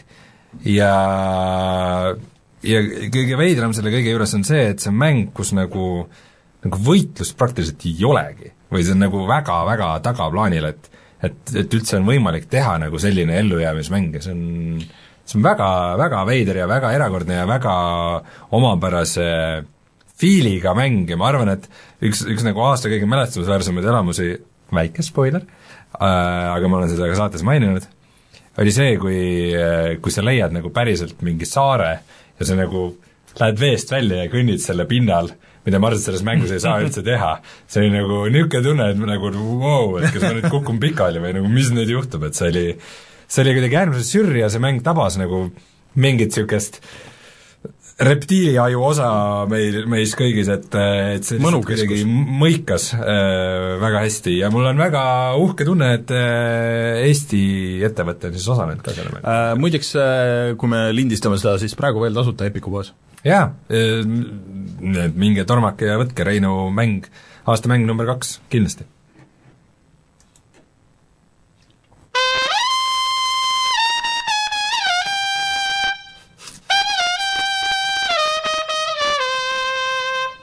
Raineri number kaks äh,. Mõtlesin tükk aega, kaalusin äh, ühe teise indie-mängu vahel, aga ma arvan, et äh, minu number kaks mäng sellel aastal siiski on Tetris Effect Hmm. äh,. VR-mäng. VR-mäng, tõesti äh,, aga mina mängisin mitte VR-is äh, suurem osa sellest, aga mängisin VR-is ka äh,. Töötab mõlemat pidi väga hästi, aga VR-is nagu sa oled veel rohkem seal keskel ja see, see pulseerimine ja kõik see nagu mängib seal juurde, aga see on lihtsalt väga hea Tetris nagu nii, lihtsalt oota, see on äh, vana mäng, see on tavaline Tetris, sul klotsid kukuvad, no tere, nüüd äkki liiga vara. et äh, mis kurat siis selle teeb eriliseks, vabandust? Äh, no seal on esiteks on nagu kogu see visuaal ja muusika, ehk siis et see on tehtud seesamad tüüpide poolt, kes tegid Resi ja, ja selle Luminessi, mis oli väga hea remaster sellel aastal, mis on nagu äh, horisontaalne Tetris äh,, aga tal on nagu see visull on nagu nii veider kuidagi, et iga level on äh, erinev ja see level on seot- ja kogu see visuaal on seotud selle muusikaga, kõik need asjad nagu pulseeruvad ja muutuvad ja värvid muutuvad ja nii-öelda see kuidagi tempo on nagu hullult äge, et sul tulevad nagu noh, levelid näiteks lähevad järjest raskemaks ja siis sul tuleb üks vahepeal niisugune chill level, kus on nagu niisugune rahustav muusika, nagu tõmbavad tempo maha äh,, mängid see, ja siis äh, story mode'is on äh,, sul on niisugune special ka, et sul on mingi special äh, mõõdik. äh,, selle kui aktiveerid äh,, siis sul on võimalik teha mitte ainult nagu neljaseid riidu, aga saad vist ka kuni kuueteistkümneseid riidu teha äh,. Ja siis lased need kõik korraga ja siis sul kõik, terve ekraan on partikleid täis ja musa läheb suureks ja nagu niisugune, et äh, kuidagi see balanss on nagu hullult ägedalt sealt leitud ja lihtsalt mulle väga meeldib Tetris mm. ja, ja kõigile soovitan, et ainuke miinus selle juures on see, ma ei tea, kuidas see nüüd allahindluste ajal oli, et veits kallis nagu, et äh, ta oli kolmkümmend kolmkümmend üheksa ei olnud ka ju? vist jah, kolmkümmend üheksa eurot vist siis. ma nagu korraks ja, sekundiks mõtlesin ja. seda, aga siis mõtlesin Tetrist ja nelikümmend aga see, ja see on praegu PlayStation nelja eksklusiiv, et see võib-olla tuleb ka PC peale mm., et nad on vihjanud sellele, et kõik nende teised asjad muidu on ikkagi nagu olnud, aga on? Eh, noh, see Resi remaster oli ja, ja nelikümmend euri jah, on, et see et, eh, et see on nagu natuke miinus, aga samas ma olen sinna päris palju tunde pannud ja seal on hästi palju erinevaid mängulaade, seal ei ole küll mitmikmängu, mis oleks ka veel nagu väike miinus, aga kõik see, mis seal nagu on, kõik töötab hullult hästi ja on hullult nagu äge, et mulle hullult niisugused äh, hästi visuaalsed ja audio niisugused nagu need asjad, asjad nagu meeldivad. et äh, kes ei ole veel proovinud, kellel on PlayStation VR kodus, siis äh, kindlasti proovige üle see. aga Vist... soovid proovida ka ilma? jaa, ka ilma, lihtsalt see on hea Tetris nagu selles mõttes, et mm. ta on kiire, täpne äh,, väikeste twistidega seal nendes eri mängulaadides äh,, et seal on mängimist küll ja küll. no tekitasid minu suvi mm me saime vahepeal aasta kõige vastikumate vahehelide äh, auhinna chati poolt. nii et paneme nii lühem ma nägin seda waveformi praegu, ei pane. kolm, kolm sekundit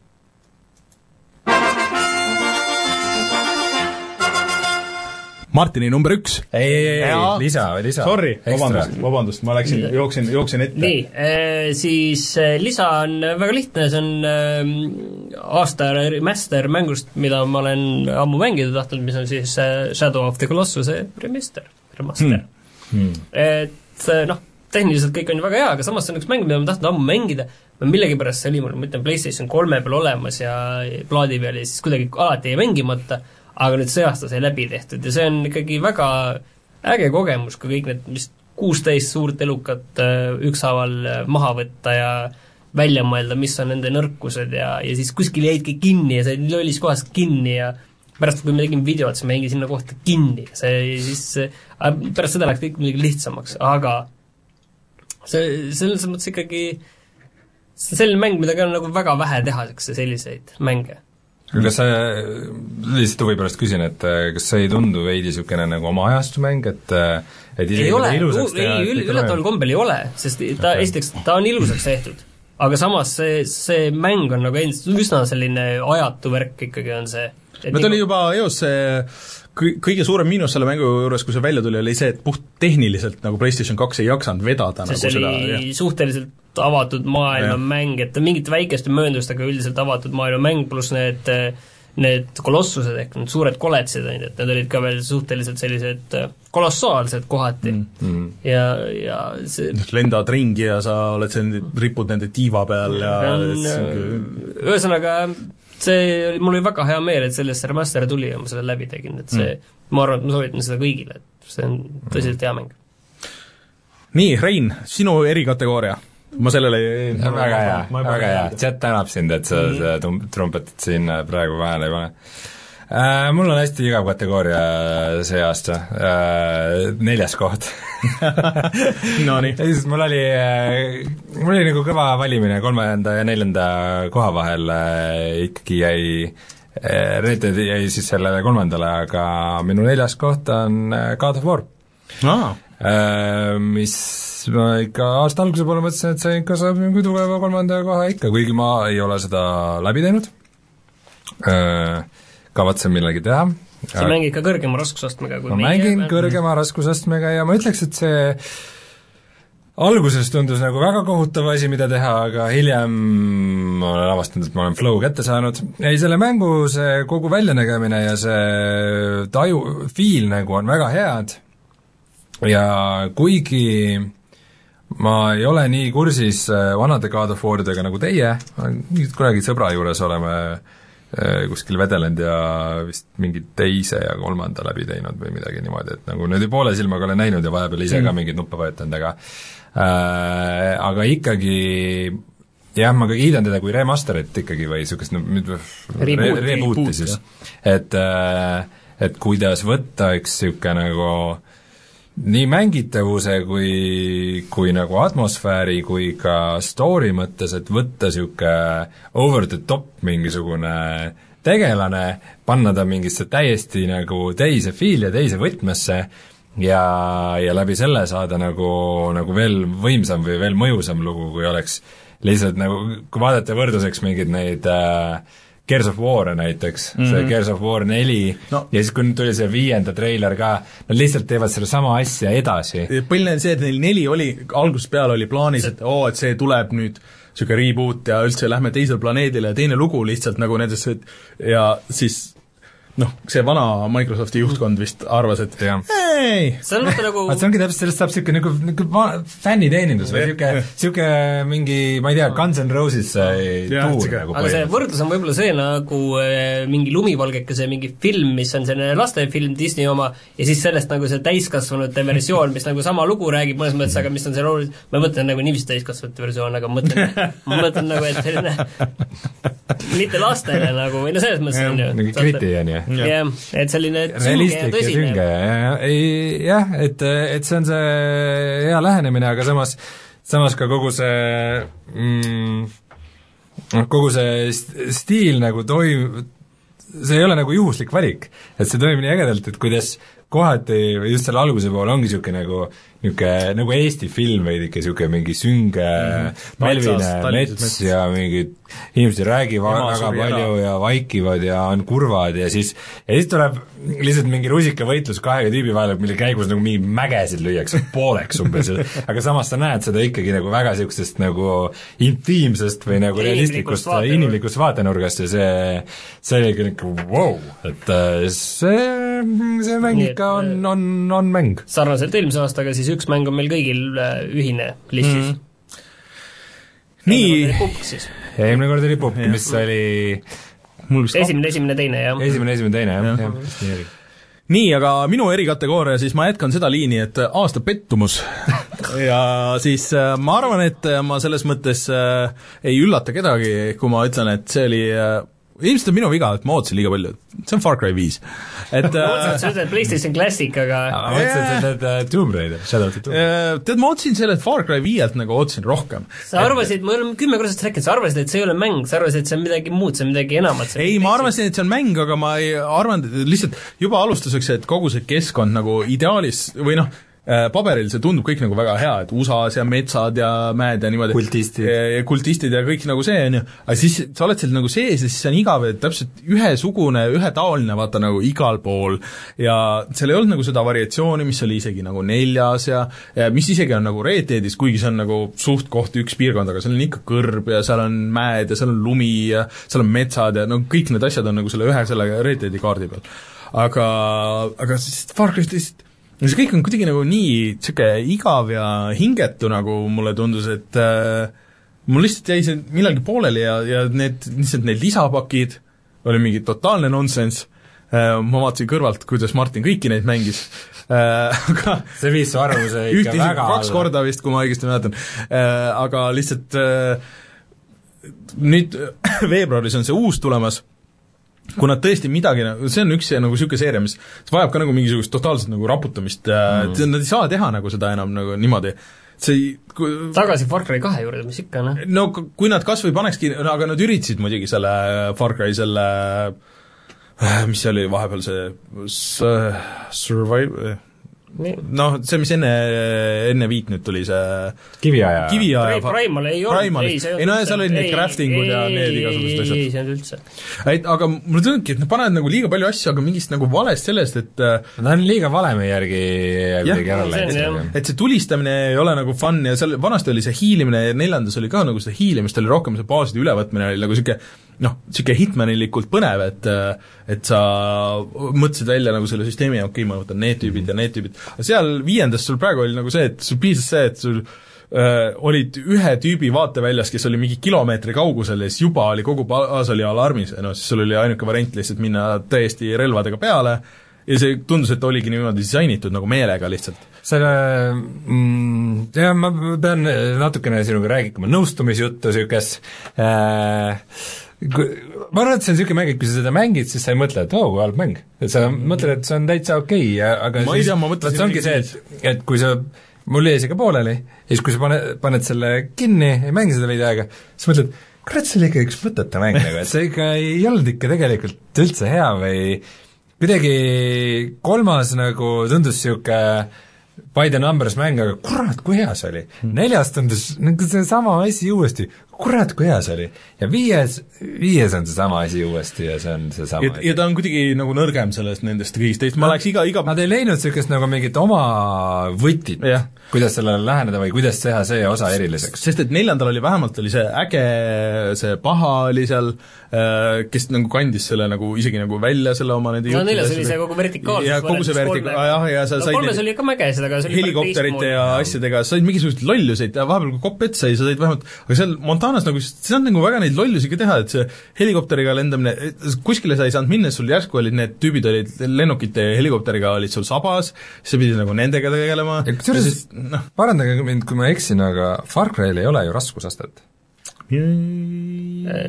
vist ikka oli, ma ei ole päris kindel, aga see oli nagu lollakalt lihtne ja mind häiris see kõige rohkem, et need vastased ei, see oli lollid jah, see, see on küll, ma olen nõus sellega. vot see ongi see, et sa, sa nad hästi veidra balansi valisid ka. see on see, et äh, kõik äh, on hästi lihtne mm, ükskõik, kes sind ründab, äh, siis sa ei sure eriti, see mingi loom ründab sind, sa saad ka quick time mm. vendiga pääseda. kolm erinevat on ikka. on või?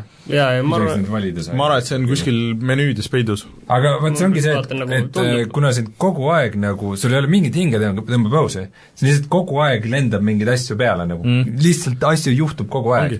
mis tähendab, et sul ei ole võimalust nagu kuidagi ennast immerse ida mm. sinna maailma ja, ja minust... mis tähendab ka seda, et et need, kui need on raskemad, need äh, mm. ai, nüüd mul tuleb meelde, mängu algus oli väga raske jah, ma mängisin raskega ja algus oli kohutavalt raske, pärast läks lollakalt lihtsaks. ja siis ongi see, et mäng loobib sulle peale lihtsalt neid tüüpe kogu aeg ja siis ongi, ma ei tea. et äh, minu meelest nagu neljas nagu ei olnud nagu seda, seda teemat, et sulle ei antud ühtegi nagu seda hingamismomenti.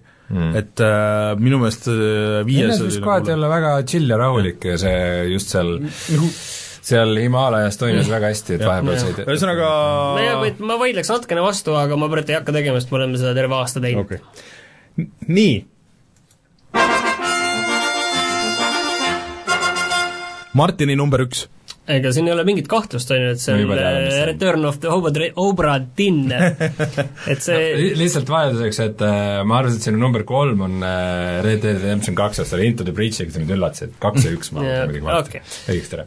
et äh, see on mäng, mis tuli niivõrd suure üllatusena, et see on äh, midagi sellist, mida sa lihtsalt ei näe tulemas. ja mis ongi, mis haarab sind niiviisi, et vau wow,, et kuidas see võimalik on, kui ongi lihtsalt mõrvamüsteerium äh, ja mitte, mitte mõrva, vaid mõrvad, et kuuskümmend kõik ei ole muidugi mõrvad, surmamüsteerium, kuuskümmend surma.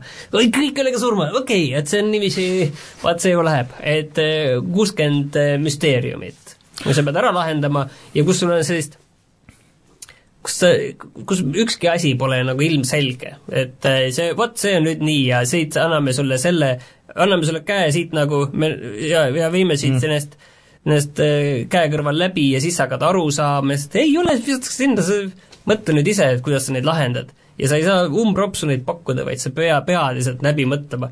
ja kokkuvõttes see tunne, kus sa need, äh, need äh, asjad välja mõtled ja selle loogika raja endale nagu kuskil seina peale teed ja kuidas sa lõpuks iga seda meeskonnaliiget seal laeva peal, tead nägupidi ja nimepidi ja tihti on see olukord, et sa tead seda inimest nimepidi, aga sul pole aimugi, milline ta välja näeb, sa tead kõik, kus, mis ta on teinud ja või siis vastupidi. sa tead, et eh, kes, milline ta välja näeb, sul on see nägu tal juba silme ees peas, öösel unes näed ka, sa ei tea, kes ta on, sa ei tea ta ametit või midagi, et aga siis, kui need asjad lõpuks niiviisi ükshaaval kõik äh, kokku lähevad, et äh, see on äh, see töötab nagu nii hästi, et see, see on midagi selles mõttes väga erilist. aga see on üks asi, mida ma ootan suurtelt mängutegijatelt küll, et et keegi teeks niisuguse korraliku mõrvamüsteeriumi mängu, vaata et seal vist aga see ongi suur mäng, mis sa tahad, sa tahaksid mingi hullu visuaali, et siin oli jah selline no ei see visuaal oli päris selline lihtne, on ju, aga jah, see on nagu, selles mõttes on okei okay., mulle, mulle see visuaal nagu pigem meeldis, aga ma, ma arvan, et see kuskil on nagu keegi ei ole nagu teinud niisugust, vaata LA Noir nagu natuke oli, aga seal oli ka see, et lõpuks no, jäi nagu taha, tahaplaanile, aga, aga kui keegi teeks niisuguse ägeda mõrvamüsteeriumi, et eks seal vist on see mängitavuse, et noh, sa saad selle ainult ühe korra teha nagu et aga nii palju kui internetist, internetist see jäi ka, mida rohkem mängud edasi, seda vähemaks seda ei see, et mida, mida rohkem internetist ka vaatad, et kõik on, et vau wow,, et kus noh, kes on mm. proovinud, on ju, et kuidas see laksab ja kuidas sulle see asi korda läheb ja kuidas sa hakkad uurima, et et mis see laeva peal, mis see, see hierarhia nüüd täpselt on ja kes see et see on äh, ikkagi niivõrd hästi kokkuvõttes tehtud, et see on, et see on asi, mida ma soovitaks kõigile just, kes mõtlevad, et et ka veel, et videomängud ka sellised, et kuidas need saavad tõesti olla väga sellised öö, arendavad ja väga ja see ei ole, see ei ole lihtsalt point and click, et äh, et äh, soovit-, meil on näiteks video olemas ka mm. sellest, et ja see on 3D maailm selline, et sa pead lihtsalt ta on mõnes mõttes nagu jalutamissimulaator, sa jalutad ringi, aga samal ajal sa pead lahendama äh, puslesid, et äh, kes on kelle tapnud, miks või miks keegi on surnud, et see see on asi, mis töötaks VR-is väga hästi, ma arvan. ei noh, võib-olla, võib-olla mitte, ma ei tea, see ei ole selline no mitte selle konkreetse visuaaliga võib-olla, aga, aga selles mõttes, et äh, oled selles maailmas aga, rohkem sees ja tähelepanu ikka. aga igal juhul see on kindlasti selle aasta vaieldamatult parim mäng, et siin ei ole isegi midagi, ükskõik mida keegi siin paari minuti jooksul hiljem ütleb, et siin ei ole mingit kahtlust mm. -hmm. Aga äh, mis sa tahaksid öelda, et, äh, et see on siis Papers, Please'i tegijatelt või tegijalt? tegijalt põhimõtteliselt, seal on paar inimest veel ja noh, eks mm -hmm. hääli luges siis, kuna seal on äh, väga olulised ka inimeste hääled, kuidas nad räägivad, mis keeles, mis aktsendiga, kõik see on ka oluline, siis seal oli väga palju neid erinevaid häälte sisselugejaid mm. -hmm. aga muidu põhitöö on jah, ühe inimese, Lukas Pope, ühe inimese töö aga seal noh, natukene paar abilist oli veel. see, et nagu välk nüüd kaks korda samasse kohta lõi, näitab, et tegu on ikkagi nüüd tõelise mängunduse suurkujuga juba ilmselt mm.. aga no see vahe oli nii suur. vahe oli jah ikka viis-kuus aastat. jah. oli, oli ikka, see Vapers Please tuli päris ammu. ikka väga ammu tuli. võib-olla tõesti. kaks tuhat kolmteist äkki.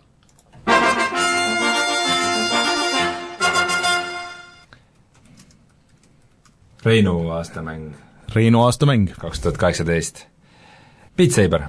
ma panin selle sulle kirja muidugi vaata, see on failis juba kirjas. see, selles mõttes äh, Beat Saber mitte lihtsalt äh, kui VR edulugu, mitte lihtsalt kui tore rütmimäng äh,, vaid mäng mida ma olen avastanud, et ma nagu äh, lähen sinna ikkagi tagasi ja tagasi ja mm, tunnen aeg-ajalt, et ma tahan seda veel mängida.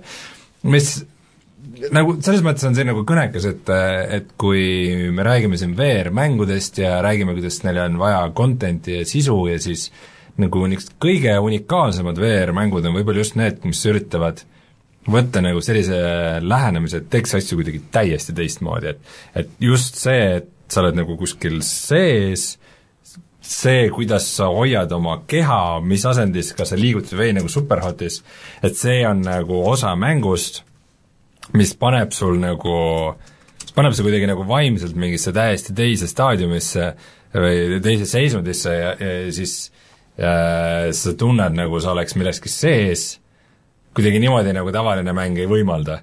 ja ja kui sinna juurde veel lisada see, et äh, mida Beat Saber teeb väga hästi, on see, et ta paneb sind tundma, et sa oled sa oled võimas tantsustaar. mitte, võib-olla mitte päris tantsustaar, aga, aga kui sa juhid mingit äh, God of War'i kuubikutest, kuubikutest mulle küll mingit vastast ei ole jah, kui God of War'i äh, juhid seda Kratost ja siis ja siis mõtlevad, nojah, see Kratos on ikka päris kõva mees, aga sul ei ole tunne, et sa ise oled see kõva mees. siis Beat Saberis sa oled sina ise, sinu enda käte liikumine, sinu enda reaktsiooni kiir-, kiirus, sinu enda rütmitaju ja, ja sa oled nagu kogu selles möllus sees ja ja sa oled nagu paari looga, sa oled lihtsalt kurnatud, sa tunned ennast hästi ja, ja, ja sa oled pärast lihtsalt füüsiliselt väsinud, aga sa mõtled, ei, üks veel ja nagu mängurina juba see on nii veider tunne, et kui sa, kui sa oled mingis mängus sees, sa tahad seda väga mängida, sa tunned nagu, et sa nagu teed endale karuteene, et nagu, et ma peaks minema välja või ma peaks minema sööma või midagi muud tegema, midagi asjalikumat või ma peaks praegu õppima või tööd tegema või mida iganes, siis, siis nagu VR-mänguga, et et äh, ma teen praegu trenni. Et see on, see on väga hea, mis ma enda jaoks teen aga see, et üks väike, väike tiim suutis mingi, midagi sellist, sellist teha ja on see, sellise eduloo sellest teinud ja see on ka nüüd PlayStation VR-i peal väljas ja see, seda seal kiidetakse, ainus kaigas mis ma viskaks kodarasse, on see, et see update tundus, et ikkagi mingid asjad nagu rikkus ära ja see uus Expert pluss mode, mis seal on, on liiga see, raske? mitte lihtsalt, et ta on liiga raske, aga see raskusaste kuidagi ta läheb nagu sellest fun'i kõver, muidu on see, et see fun ja raskus nagu olid mõnusasti mm. käsikäes. aga nad lähevad nagu praegu liiga laiali. et äh, sa pead nagu liiga palju eraldi harjutama või liiga palju eraldi nagu mingeid liigutusi läbi mõtlema ja see nagu mingi see naturaalne mm. flow, mis oli nii, nii suur osa sellest, et see, seda võib-olla kadus koreograafia läheb katki aga, aga ikkagi väga eriline mäng ja soovitan seda kõigil proovida, et, et aru saada, mis, mis VR on, milleks ta võimeline on ja mis ta kõik olla võib, et see on ikkagi midagi teistsugust. Hm..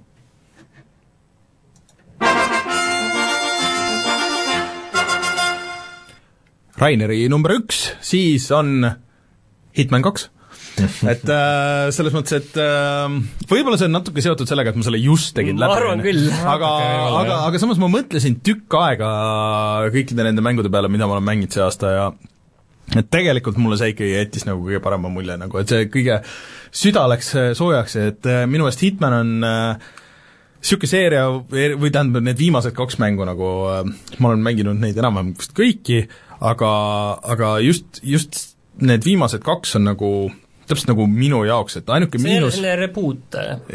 jah, põhimõtteliselt, põhimõtteliselt, et tehtud teise valemi järgi, kui need eelmised olid, on ju, et ähm, kuigi selles kahes nagu on jah, tõesti tunda, et okei okay,, et see on rohkem nüüd sedasama, et see on ilmselt see teine season nagu, mis läks eraldi mänguks, aga aga need kaardid ikkagi töötavad, seal on hästi palju asju, mida sa saad teha, äh, nagu ma just ütlesin, seal on hästi palju nagu võimalusi, et kuidas sa lähened situatsioonidele ja ja kui sa teed ühe korra selle leveli läbi, et tegelikult mul nagu praegu on just, tuli see uus äh, elusive target veel, sul on iga kaardi peal mingi miljon challenge'it, mida sa saad teha tegelikult veel, Äh, et seal on äh, sisu küll täismängu kohta ka, eriti veel niisuguse odava, nagu, nagu ta siin praegu on olnud.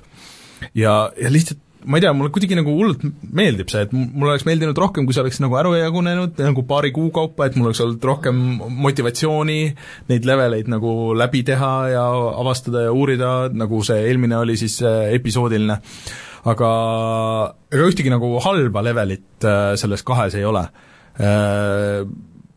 lihtsalt ma ei tea, mulle kuidagi äh, väga meeldib see hiilimise ja mõtlemise ja nuputamise kombo ja isegi kui see kõik läheb nagu täiesti nagu puseriti, see, mis sa plaanisid, aga siis on nagu vahest on naljakas nagu mõelda, et mis siis juhtus, et äh, aa, okei okay,, et seal mingi tüüp nägi hoopis peegeldusest seda, et ma seal liikusin ja siis nüüd ma pean, ma pean kogu oma strateegia ringi mõtlema, aga siis ongi põnev mõtelda, et okei okay,, et ma nüüd lähen täiesti teistmoodi, et ma üldse ei hakka uuesti proovimagi, ma lähen võtan, käin nagu ringi, vaatan, mis kostüümi ma saaks võtta, mis siin veel on, kindlasti on kuskil veel mingisugust asju, ahah, oot, siin on mingisugused need äh, mm, äh, noh, ütle nüüd äh, korgid, mis ma saan välja tõmmata, okei okay,, et siis need tüübid lähevad neid korke parandama ja siis ma saan siit nagu mingisuguse asja ära röövida ja siis ma saan sellega teha mingit seda asja ja seda asja ja siis läheb nagu niisuguseks äh, avastamiseks nagu seal ja ja kõigil tasemetel nüüd eelmistel osadel olid, osad olid nagu suhteliselt niisugused lamedad või noh, nagu niisugused horisontaalsed pigem ja nüüd on hästi palju korruseid ja sul on hästi palju ruume ja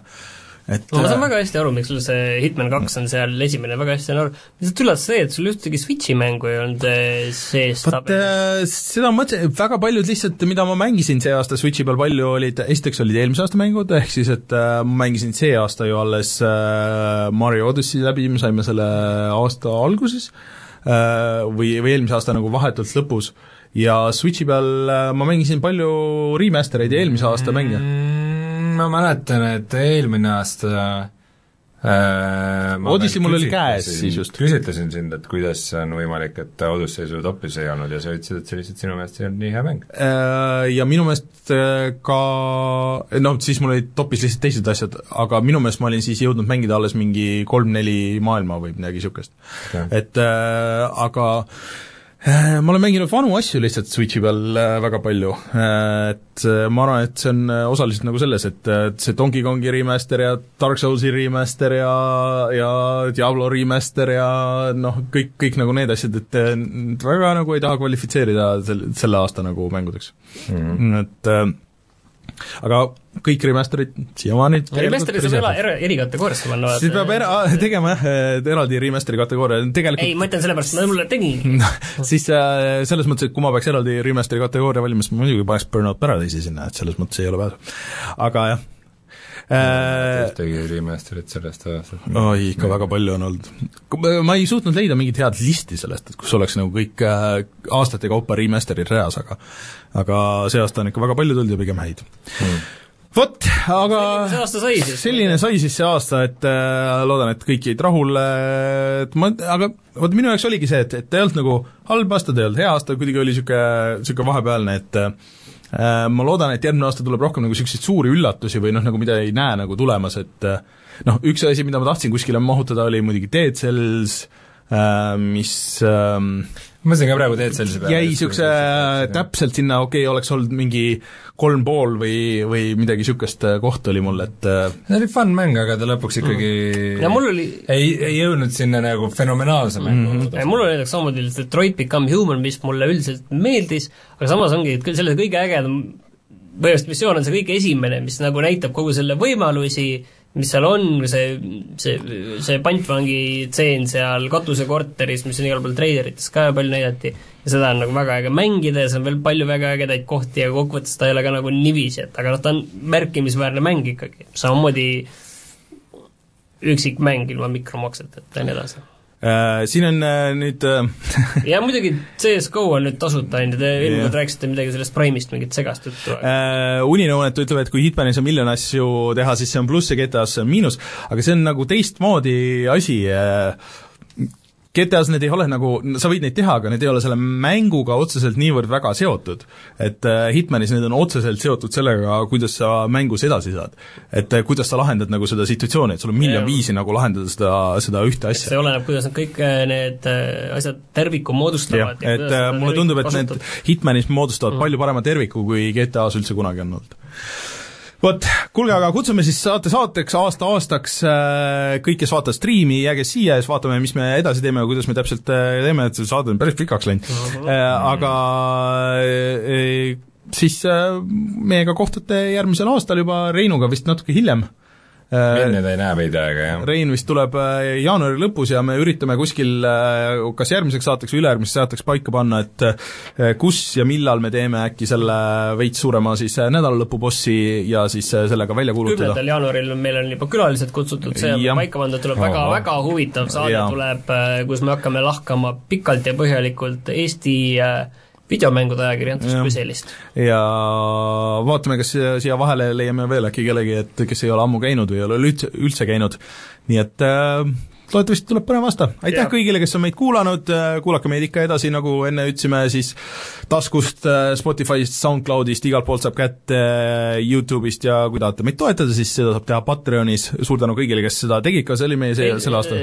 kui sa räägid taskust, sa mõtled püksitaskust, ma mõtlesin Delfi taskut. Delfi taskust, jah, ja, ja, ja siis äh, ja kohtume siis järgmise aasta pool, tšau! tšau! tšau!